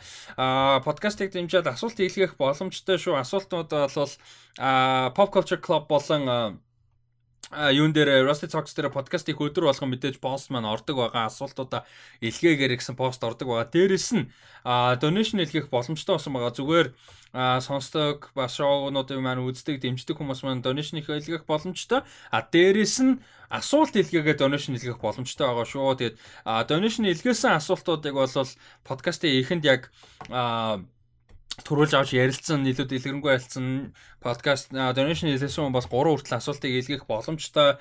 За ийм байгаа шүү. Тэгээ заавал donation байгаад шаардлагагүй зүгээр асуултуудаа бас мэдээж илгээж болно. А подкастын бичих өдөр бол бид нар а pop culture club болон Rusty Talks Facebook хуудас дээр постоо оруулна. Доор нь зүгээр donation-гүйгээр асуултаа илгээж болно. Тэр бол бүрэн нээлттэй а хിവэрэ. За тэр бол мэдээж дэмжиг болж байгаа. Тэгээ тэр асуултуудыг бол бид нар бас а подкастаа төгсөл хэсэгт бол мэдээж бас авч хэлцээ гой гой хариулж ярилцсанаа. Тэр бол хിവэрэ шүү. За а за тэгээ өнөөдрийн подкастын маань төгсгөлийн хэсэг бол Rick and Morty байгаа. За Rick and Morty-гийн season 5-ын хоёр анги гарсан байгаа. За эхний анги бол Mort Dinner Rick Andre гэх My Dinner with Andre билүүтэй юу вэ? А тэр киноны нэнээс өдөөсөн эпизод, а хоёр дахь нь Multiplicity гэдэг эпизод байгаа. За эхнийх бол юу яаж байгаа дэлхээс дэлхэр рүү ингээд сүрх гээд Морти өөрийгөө өгч ийн гэж одоо Рикийг өгч ийн гэж бодоод Джессикаг дейтэнд асууцсан чинь нөгөөтг нь зөвшөөрөөд тэгээд өгөх хүслэг болоод тэгээд далаа дээр газартаад Тэгээд далаад хүрсэн чинь Мистер Nimbus гэж нөхөр гарч ирээд. А тэгээд энэ чинь ширэн болж байгаа юм бол Морти маргааш нь Джессикатэй дээд хийх гээд байдаг. Рик болохоор Мистер Nimbus-ыг одоо юу яаж шин гэрээ их хэрэгтэй болоод байдаг тий. За энэ дунд бол хин хоёр аа Beth Jerry хоёр болохоор амар sex positive болцсон энэ тэрэг хамт pornography porno үзэж байгаа үзэж байгаа гэдэг амар тийм couple амьдралаа шинэ levelтэй дахин ингэж эхлүүлж байгаа тийм ийм levelд явж байгаа гэсэн ийм story явж байгаа. Энэ эпизодэр Summer жоохон хаягдсан. Ерөнхийдөө Summer бол ерөнхийдөө жоохон хаягдсан. А тийм энэ эпизодын хамгийн гол нь бол хоёр ерөнхийдөө C plot нь Beth Jerry хоёрын sex positivity. А тэгээд A plot нь бол яг мэдээж а Rick Nimbus Mr Nimbus хоёрын те тэр гэрээ мэрээ энэ тэр а тэгээ би B plot нь яга би дундаас байгаа. Whatever. B plot нь болохоор Morty-гийн тэр portal те тэр нэг Vino хуучруулах гэдэг өөр цаг хугацаанд илүү хурдан явдаг dimension-ы portal нэгэд Vino тавиад хуучруулан гут нь авчиад Nimbus тэх гээд байгаа. Тэгээ тэр portal-ыг ингээд нэгээд очоо орсон чинь хөөби Хөөви гэдэг нэг юм хөөхөн өхөр шиг нэг юм амт нохоош ч юм don't know something амтдаг. Амар хөөхөн те. Амар сайхан сэтгэлтэй. Тэгээд тэр цаг. Тэ хөгжлийн хувьд бол тэр ингээ дээр үү те. Ингээд нэг тийм технологи механологи байхгүй амгалан тайван сайхан байгальтай те. Эхнэр нь жирэмсэн амар жирэмсэн те. Тэгээ ингээд юм амар сайхан ааш те. Хөө портлоос хүүхд гараад ирлээ гэдэг. Би туслая амар хөөхөн те. Тэгээ ингээд туслаа буцаа ороод ирсэн чи цаг хугацаа өөр явдаг. Буцаа ороод ирсэн чи эхнэр нь өгсөн хүүхэд нь төрөөд насан турцсан тэгэнгүүтээ хаяа явцсан гэж шууд алаад Тэгээд тэр ингээд нөгөө Hobie Verse гэдэг байгаа шүү дээ. Hobie Verse юм цаг хугацаа эхэлж байгаа тий. Тэр энэ эпизод би яг зүгээр плотын ерөнхийд нь яг гэсэн. Энэ эпизод ямар санагдав? Юу нь гоё вэ? Ямар ч бүр perfect start гэсэн яг season 5 явдал. Тэгээд Тэгээ Rick and Morty ер нь амар subplot эпизодууд их байдаг дээ. Тийм яг энэ бол хамгийн үзсэн хамгийн шилдэг subplot. Амар ёо амар эс амар эс Hooviverse тасаргаа. Ялангуяа ялангуяа тэр Hooviverse хэсэг бол зөв үнэхээр тэгээ тэр хамгийн сүүлд нэг юм нэр Invincible тэр нэг тийм эпизод байдаг да. Нэг ирээлээд ирээлээд ирээлээд. Тийм тийм яг тэр эпизодод төстөө гэхдээ бүр илүү wild and free солиотой санагдсан. Аа. Тий тэгээ тэр нэг юунаас болж те бас нөгөө нэг Wisecrack амар сонирхолтой видео хийсэн байсан л та. Хүн төрлөختөө яагаад нийгэм үүсгэж нийгэмшдэг вэ гэсэн чинь а юу яах гэж гээд би битээ нэгдэж нэг нэг устгахаж эсвэл хамгаалахын төлөө. Ер нь анханасаа нийгэм үүсгдэг шалтгаан нь тэр нэгддэг нь. Ерөөсөө нэг нэгдэж нөгөөдгийнхөө эсрэг болдог эсвэл хамгаалах зорилготой тий. Тэгээд тэгсэн чинь тэр Hooviverse бол ерөөсөө л Morty-гоос олж тэр бүр ингээ бүтэн тэр үндэстэн ч гэх юм уу бүр одоо үндэстэн байтугай тэр одоо хэдэн мянган жил өнгөрөөд байгаа тий. Тэрнээс дотор тий. Тэр нь ингээд бүтэн existence нь тэр ингээд тэр Hoovi хөөрхөн амтан байх. Тэгээд тэр medieval юм дундад зууны тий medieval юм явах сүултээ тех хөгж бүр сүултээ ингээ cyborg бол болоод те. Тэгээд magic заажиг гарч ирээд яваад political power destabilization fucking game of thrones шиг болж болоо те. Тийч бүр ингээ би миний хараар backstabbing хийж мигээл те. Тэр амар их юм зүгээр ганц мортиг үзэн ядраад л болцдог нас. Тэгээ сүүлдээ тэр нь ингээ дундаа ингээ асуудал үүсгээ наа чин зүгээр домог момог яриа мэрэ тийм юм бодлоогүй гэсэн. Тэгээ итгэж мэтгэхгүй те. Наа чин хотлаа модлаа гэх. Нэг багийн зүгээр ингээ вайн аваад орж гараад. Тэ зөв тэр Мортидэнд нэг ганц дээтэй хийх гэж тэ хараал утсан Мистер Nimbus вайныг авах гэж амар болж байгаа нэс тэ. Амар эпизод байсан шүү. Амар фан байсан. Аа тэгээд Beth Jerry хоёрын бас энэ нэг э, нэг тийм бүтэлгүй marriage чаавас тэгэл энэ хоёр хичээгээл ах юм тий. Анасаа тэгэл ер нь marriage гэхэд хэцүү тэгэл нэг нэгнийхээ нэг тийм амар сул таланд амар дуртай нэг тийм амар тийм токсик харилцаа шиг санагддаг. Тий, тий амар токсик л дээ нэрч. Гэтэ яг хөө яг sex positive болсон. Тэгээ тэн дээрээс build up хийж байгаа юм жаас хөөрхөн байгаад байгаа. Тий, тэгээд аа дээрээс нь энэ хоёрын тэрнээс гадна Mr Nimbus Rick хоёр тий. Mr Nimbus аа Nimbus-ийн back story тэгээд Rick Mr Nimbus хоёрын relationship хоорондын харилцаа өмнө нь юу болж байсан ямар учиртай гэдэг талаар олж мэдхийг хүсэж байна уу эсвэл зүгээр нэг эпизодын юм байгаад хайсан дээр гэж бодож байна уу? Мм яг мэдээж олж мэдхийг хүс сонирхол бол байгаа. Гэхдээ яг Rick and Morty ч яг тийм story барьж явдаг эпизодыг зурлахаар бас илүү дахиж хөндөх боллоо. Гэхдээ яг нөгөө Birdman эдрийг бол гаргаж ирээлээ. Тиймэрхүү байдлаар бас нэг хальт гаргаж ирж мэрх магадгүй л байна. Аа. За тэгээд э, э, төгсөлт нь болохоор төгсөлт нь тэгээд нөгөө нэг а төгсөлт нь бетийн стороос амар кул болж эхэлсэн шүү дээ. Тийм time god мод би амар чиний харж байгаа юм зам харсан марсан гэдэг. А биш ээ Jessica юу? Тийм Jessica Jessica. Тэгээ Jessica тэр бас агүй сонирхолтой. Jessica бол ер нь өмнө нь амар хаягдсан хаягддаг байсан дүр штэ тий ер нь бол нэг тийм амар хангалттай хөгжүүлээд байдгүй ихэнхдээ л Мортигийн одоо сайн охин тэгэл нэг нэг дэрнээс нэг хитэрдүү штэ. Тэгсэн чинь одоо зүгээр Джессика бүр ингээд баг хэдэн мянган жил болцсон юм байж байгаа бас тэр ертөнцид тэр тий Тэгээ зүгээр ингээд э, тэгээ чиний нөгөө нэг наа ардлын мууршигч болцсон байгаа байхгүй бүр ингээд окторгоо ертөнцөр тий левел чиний ардлын мууршиг наадах шиг бүр левелд очсон. Тэгээд ямар ч нас нь явахгүй хөвчрөхгүй гэхдээ юу болж байгаа гаднаг орчныг мэдрээд хараад бүдээд байгаа. Йоо. Там нас. Яг яг гэртээ ирэл яг гэрлүүгээ харихаар бодож ирсэн. Өө явах гэсэн I'm done god. Тий, тий, тэр амар гойс. Баярлалаа. Тий, тэгээд төгсөлд нь болохоор мэдээж Nimbus, Mr. Nimbus эргээд аварч мааварж байгаа. Тэгээд нөгөө нэг юу Hovieverse дотор ирээ аварч мааварж байгаа. Нэгдүгээр Hovieverse амар өрөвдөлтэй. Hovie болон Hovie-гийн хүүхэд гихнэр нь амар өрөвдөлтэй.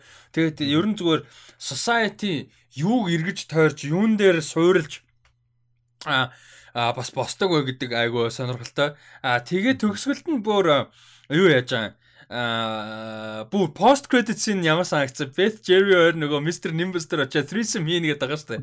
Тэгээ Mr. Nimbus-ийн саналтай. Тэрийг ингээ хүлээж авах уу үгүй юу би биенийхээ төлөө хийж байгаа эсвэл би нөгөөх нь биений намайг хийгээсэй гэж хүсэж байгаа болохоор ингэж бодоо хуйлаа ингээд байна уу энэ бас нэг relationship-тэй бас хөгж grow хийх гээд а тэгээд тэгснэ хуйлаа за окей гэ тэгээд онгоолгоо ингээ орсон чинь Mr. Nimbus байж байгаад эргэлцсэн чинь Rick хэлэхгүй ажиллаж чи Rick ойлгоно ойлгоно гэтгсэн. Тэр бас амар сонирхолтой back story байж лоо санагдсан надад.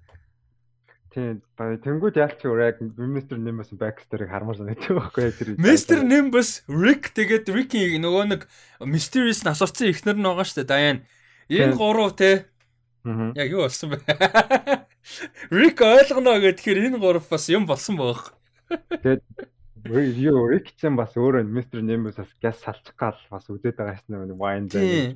Тэгсэн мөртлөө Тэгсэн мөртлөө газ салах гээд байгаа юм шиг мөртлөө Рикийг амар сайн мэддэг эртний яг юм хүн байгаад байгаа байхгүй юу? Яг сайн найз нь байсан байгаа гацсан point тий. Тэг хоорондоо ингээд таархаа болцсон бас сонирхолтой. Гэтэ Рик бас ардаар нь хор найруулж явж байгаа баригдаж мэрэгч. Тий. Нөө хиний нөөний хоогорлоо явуулж муул юм юм болсон. Тий, тий. Тэгээд Summer сүлд нь уул нь амар сүртэй тэр нөгөө юуг нь аваад, power-ыг нь авдаг юм нь аваад үлээснээ улан powerful болгоод Summer тийж бас фейлдцтэй. Тэр Summer гэхдээ уулан тэр Atlantis дотор бүр амар саагч тэрийг уулан жоохон гаргасан бол тий. Тэр бас фон байсан. Аа за тэгээд энэ эпизод бол яг э, чамтай санал бол нэг байна яг юу байсан. Аа perfect start те. Айгуу гоё ихлүүлсэн гэж бол бодож байна. За хоёр дахь эпизод болохоор Multiplicity гэдэг эпизод байгаа. За энэ ингээд Rick Morty Summer Beth Jerry зүгээр ингээ хоолунд идчихсэн чинь эм хар гарынхаа яриад алдчихж байгаа. Тэгээ алсан чинь тэд нар decoy олж таараа. Decoy гэдэг нь decoy-ууд нь өгсөн гэдгийг Rick олж мэдэнгүүтээ зүхтаа гээ. Тэгээ зүхтаагаа явж исэн чинь тэд нар алуулаа тэд нар decoy олж таараад.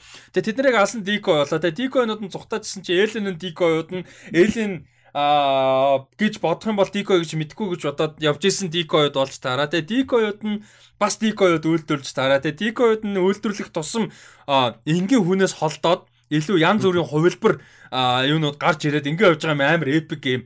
А Decoception episode байсан. Энэ episode ямар санагдав?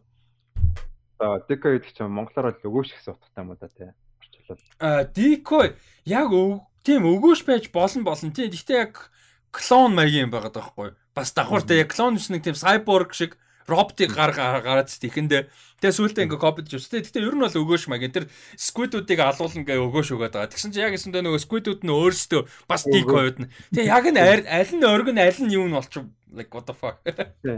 Тэгээ энэ бас амар тийм mind blow юм бас амар complicated гэхдээ амар fun episode байсан. Тэгээд нөгөө нэг декоюуд нь декоё үйлдвэрлээ. Тэгээд сүүлдээ нөгөө нэг декоё үйлдвэрлэжсэн декоюуд нь өөрсдөө декоё дахиж үйлдвэрлэх декоё нөгөө нэг юу болж ирсэн мөлөө. Сүүлдээ амар тийм траш аг юм юм үйлдвэрч үйлдвэрдэг бол. Тий. Тэгээд сүүлдээ тэр амар балер ийм dark юм явж маа тий. Like will I be beautiful again man гэсэн яа тэр мууга dark тий. Чи одоо торон дотор маар орж уурлаа. Тий ёо.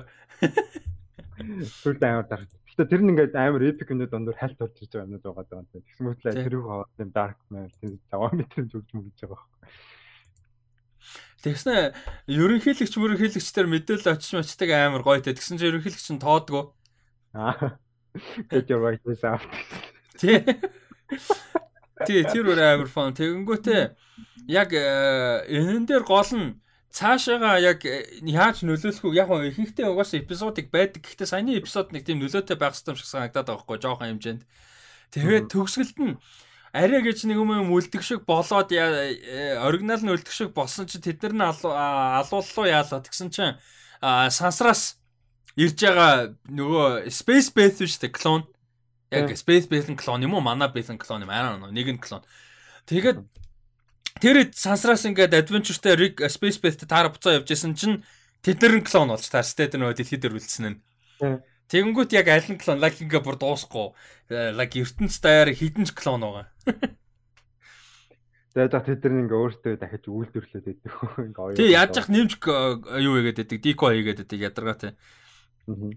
А тэгээд ээжээ самын гой сторинуудын нэг юу байсан гэсэн чинь нөгөө Пиноккиг дөөрөөсөө хөлбрүүд байсан шүү дээ. Аа тий. Тэрний нэг нь Jerry байсан. Тэгээ пост credit scene дээр Jerry үлдээд тэгээ цаг хугацаа ингээд ерөөсө өхөж өхгүй явсаар байгаад ингээд сүултээ цаг хугацаа яваад хуваагдаад олон хариг ариг мариг дэлхий эзлээ дэлхий сүрээд буцаж өгчөө тэгээ сүултээ ингээд дэлхий сүрэнгүүтээ буцаж өгчөө дахиж амьдрал амьдрал үүсэнгүүтээ дахиж Christianity үүсч хүмүүс Ядчих зүгээр ингээд толгойн үлдсэн нөгөө нэг юун дээр би совлолтой байт. Тий, тий, ядчих ерөөсөө үхэж өгөхгүй те. Why can't I die? Тэг хөөх юм уу Jerry-г яах нь те. Йоо, Jerry гэсэн. Ямар тийм хөрх мөрхий санагдсан учраас тавиадлахаар бас амар новшин гар. Аа новшин л дөө тэгтэл зүгээр хөрх явтныг тэгж амар зоож яах нь. Гэтэ амар фон эпизод байсан. А яг гоо гэтэ яг фон байсан фон байсан гэхдээ бүр яг бүр perfect яг би сая ярьсан л да төгсөлтөө цаашаага тэр Дико гэдэг юм нөлөөлөх ёстой юм шиг санагдсан гэж хэлсэн. Гэхдээ би хэлснээр дахиад жоохон зөрөх гэдэг л хэлснээс юу гэхээр саяных яг ингээ туснаа аваад үзэх юм бол Дикотэй эпизод бүр яг perfect episodic episode санагдсан. Бүр яг ерөөсө заавал юунд холбогдох шаардлагагүй яг л энэ 7 хоног тустай adventure тэгэл болоо бас амар фон. Нөгөө Scary Territory episode бас нэг тиймэрхүү штэ. Тий. Scary Territory бас амар. Тэгэхдээ яг эхний хоёр эпизод бол ялцчгүй зөвхөн эпизодкоор биш бас ингээ буцаад нэг тийм юутай сторитой болоод хоорондоо холбогдох юм шиг санагдсан. Ялангуяа э, Jerry Beth хоёрын relationship а тэгэнгүүтээ хин Mr. Nimbus. Mr. Nimbus те. А тэр юу амар хөгийн дээр тэр нөгөө эхний эпизод дээр нэг зүхтаах хэвээр гэдэг гар байдсан шүү дээ. Намайг таргетсангүй, намайг алсангүй гэдэг хөөсөнгөө гэдэг. Жижигхэн хандми хандми гэдэг. Тий, тэгсээ тэр гар нь өрөө алцдаг тэр бүр амар тий. Ханад намайг хандсангүй гэснээр бүгд наа.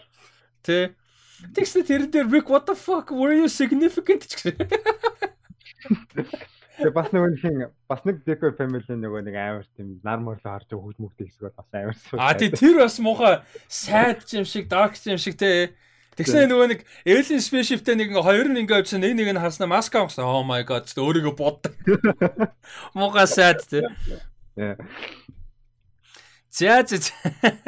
За энэ үрээд Rusty Socks podcast-ийн 124 дахь дугаар өндөрлж байна. А энэ үрт сонссон үзсэн та хэдэд бүгдэнд нь баярлалаа. Сонирхолтой байсан гэж найдаж байна. А ёо Space Space Cat над ч одоо юу юм бэ? На background ч одоо бүр Мм гэнэ тийм аим philosophical cat юм шиг байна шүү дээ. Deep Deep Space Philosophical Cat дийлэнд баярлалаа. Өнөөдрийн дугаард оролцсонд. Йоо, Rick and Morty нэг ихний дөрөнгийнхэн тайтл гарсан маа. Тэгэхээр энэ дээрээс яг дөрөнгийнхэн тайтл юм байгаа юм байна л да. Аа. Gotron Gotron Genesis Evangelion гэсэн байгаа байхгүй. Аа, за Neon Genesis Evangelion-аас яхах нь шүү дээ. Яа, тэрний юу эпизод явах юм байна. Тэр нь амар сонирхолтой байх гэж магадгүй чинь. А Rick Convenient Mort гэж байгаа юм. Rick Dependence Spray Enter гэж байгаа юм байна.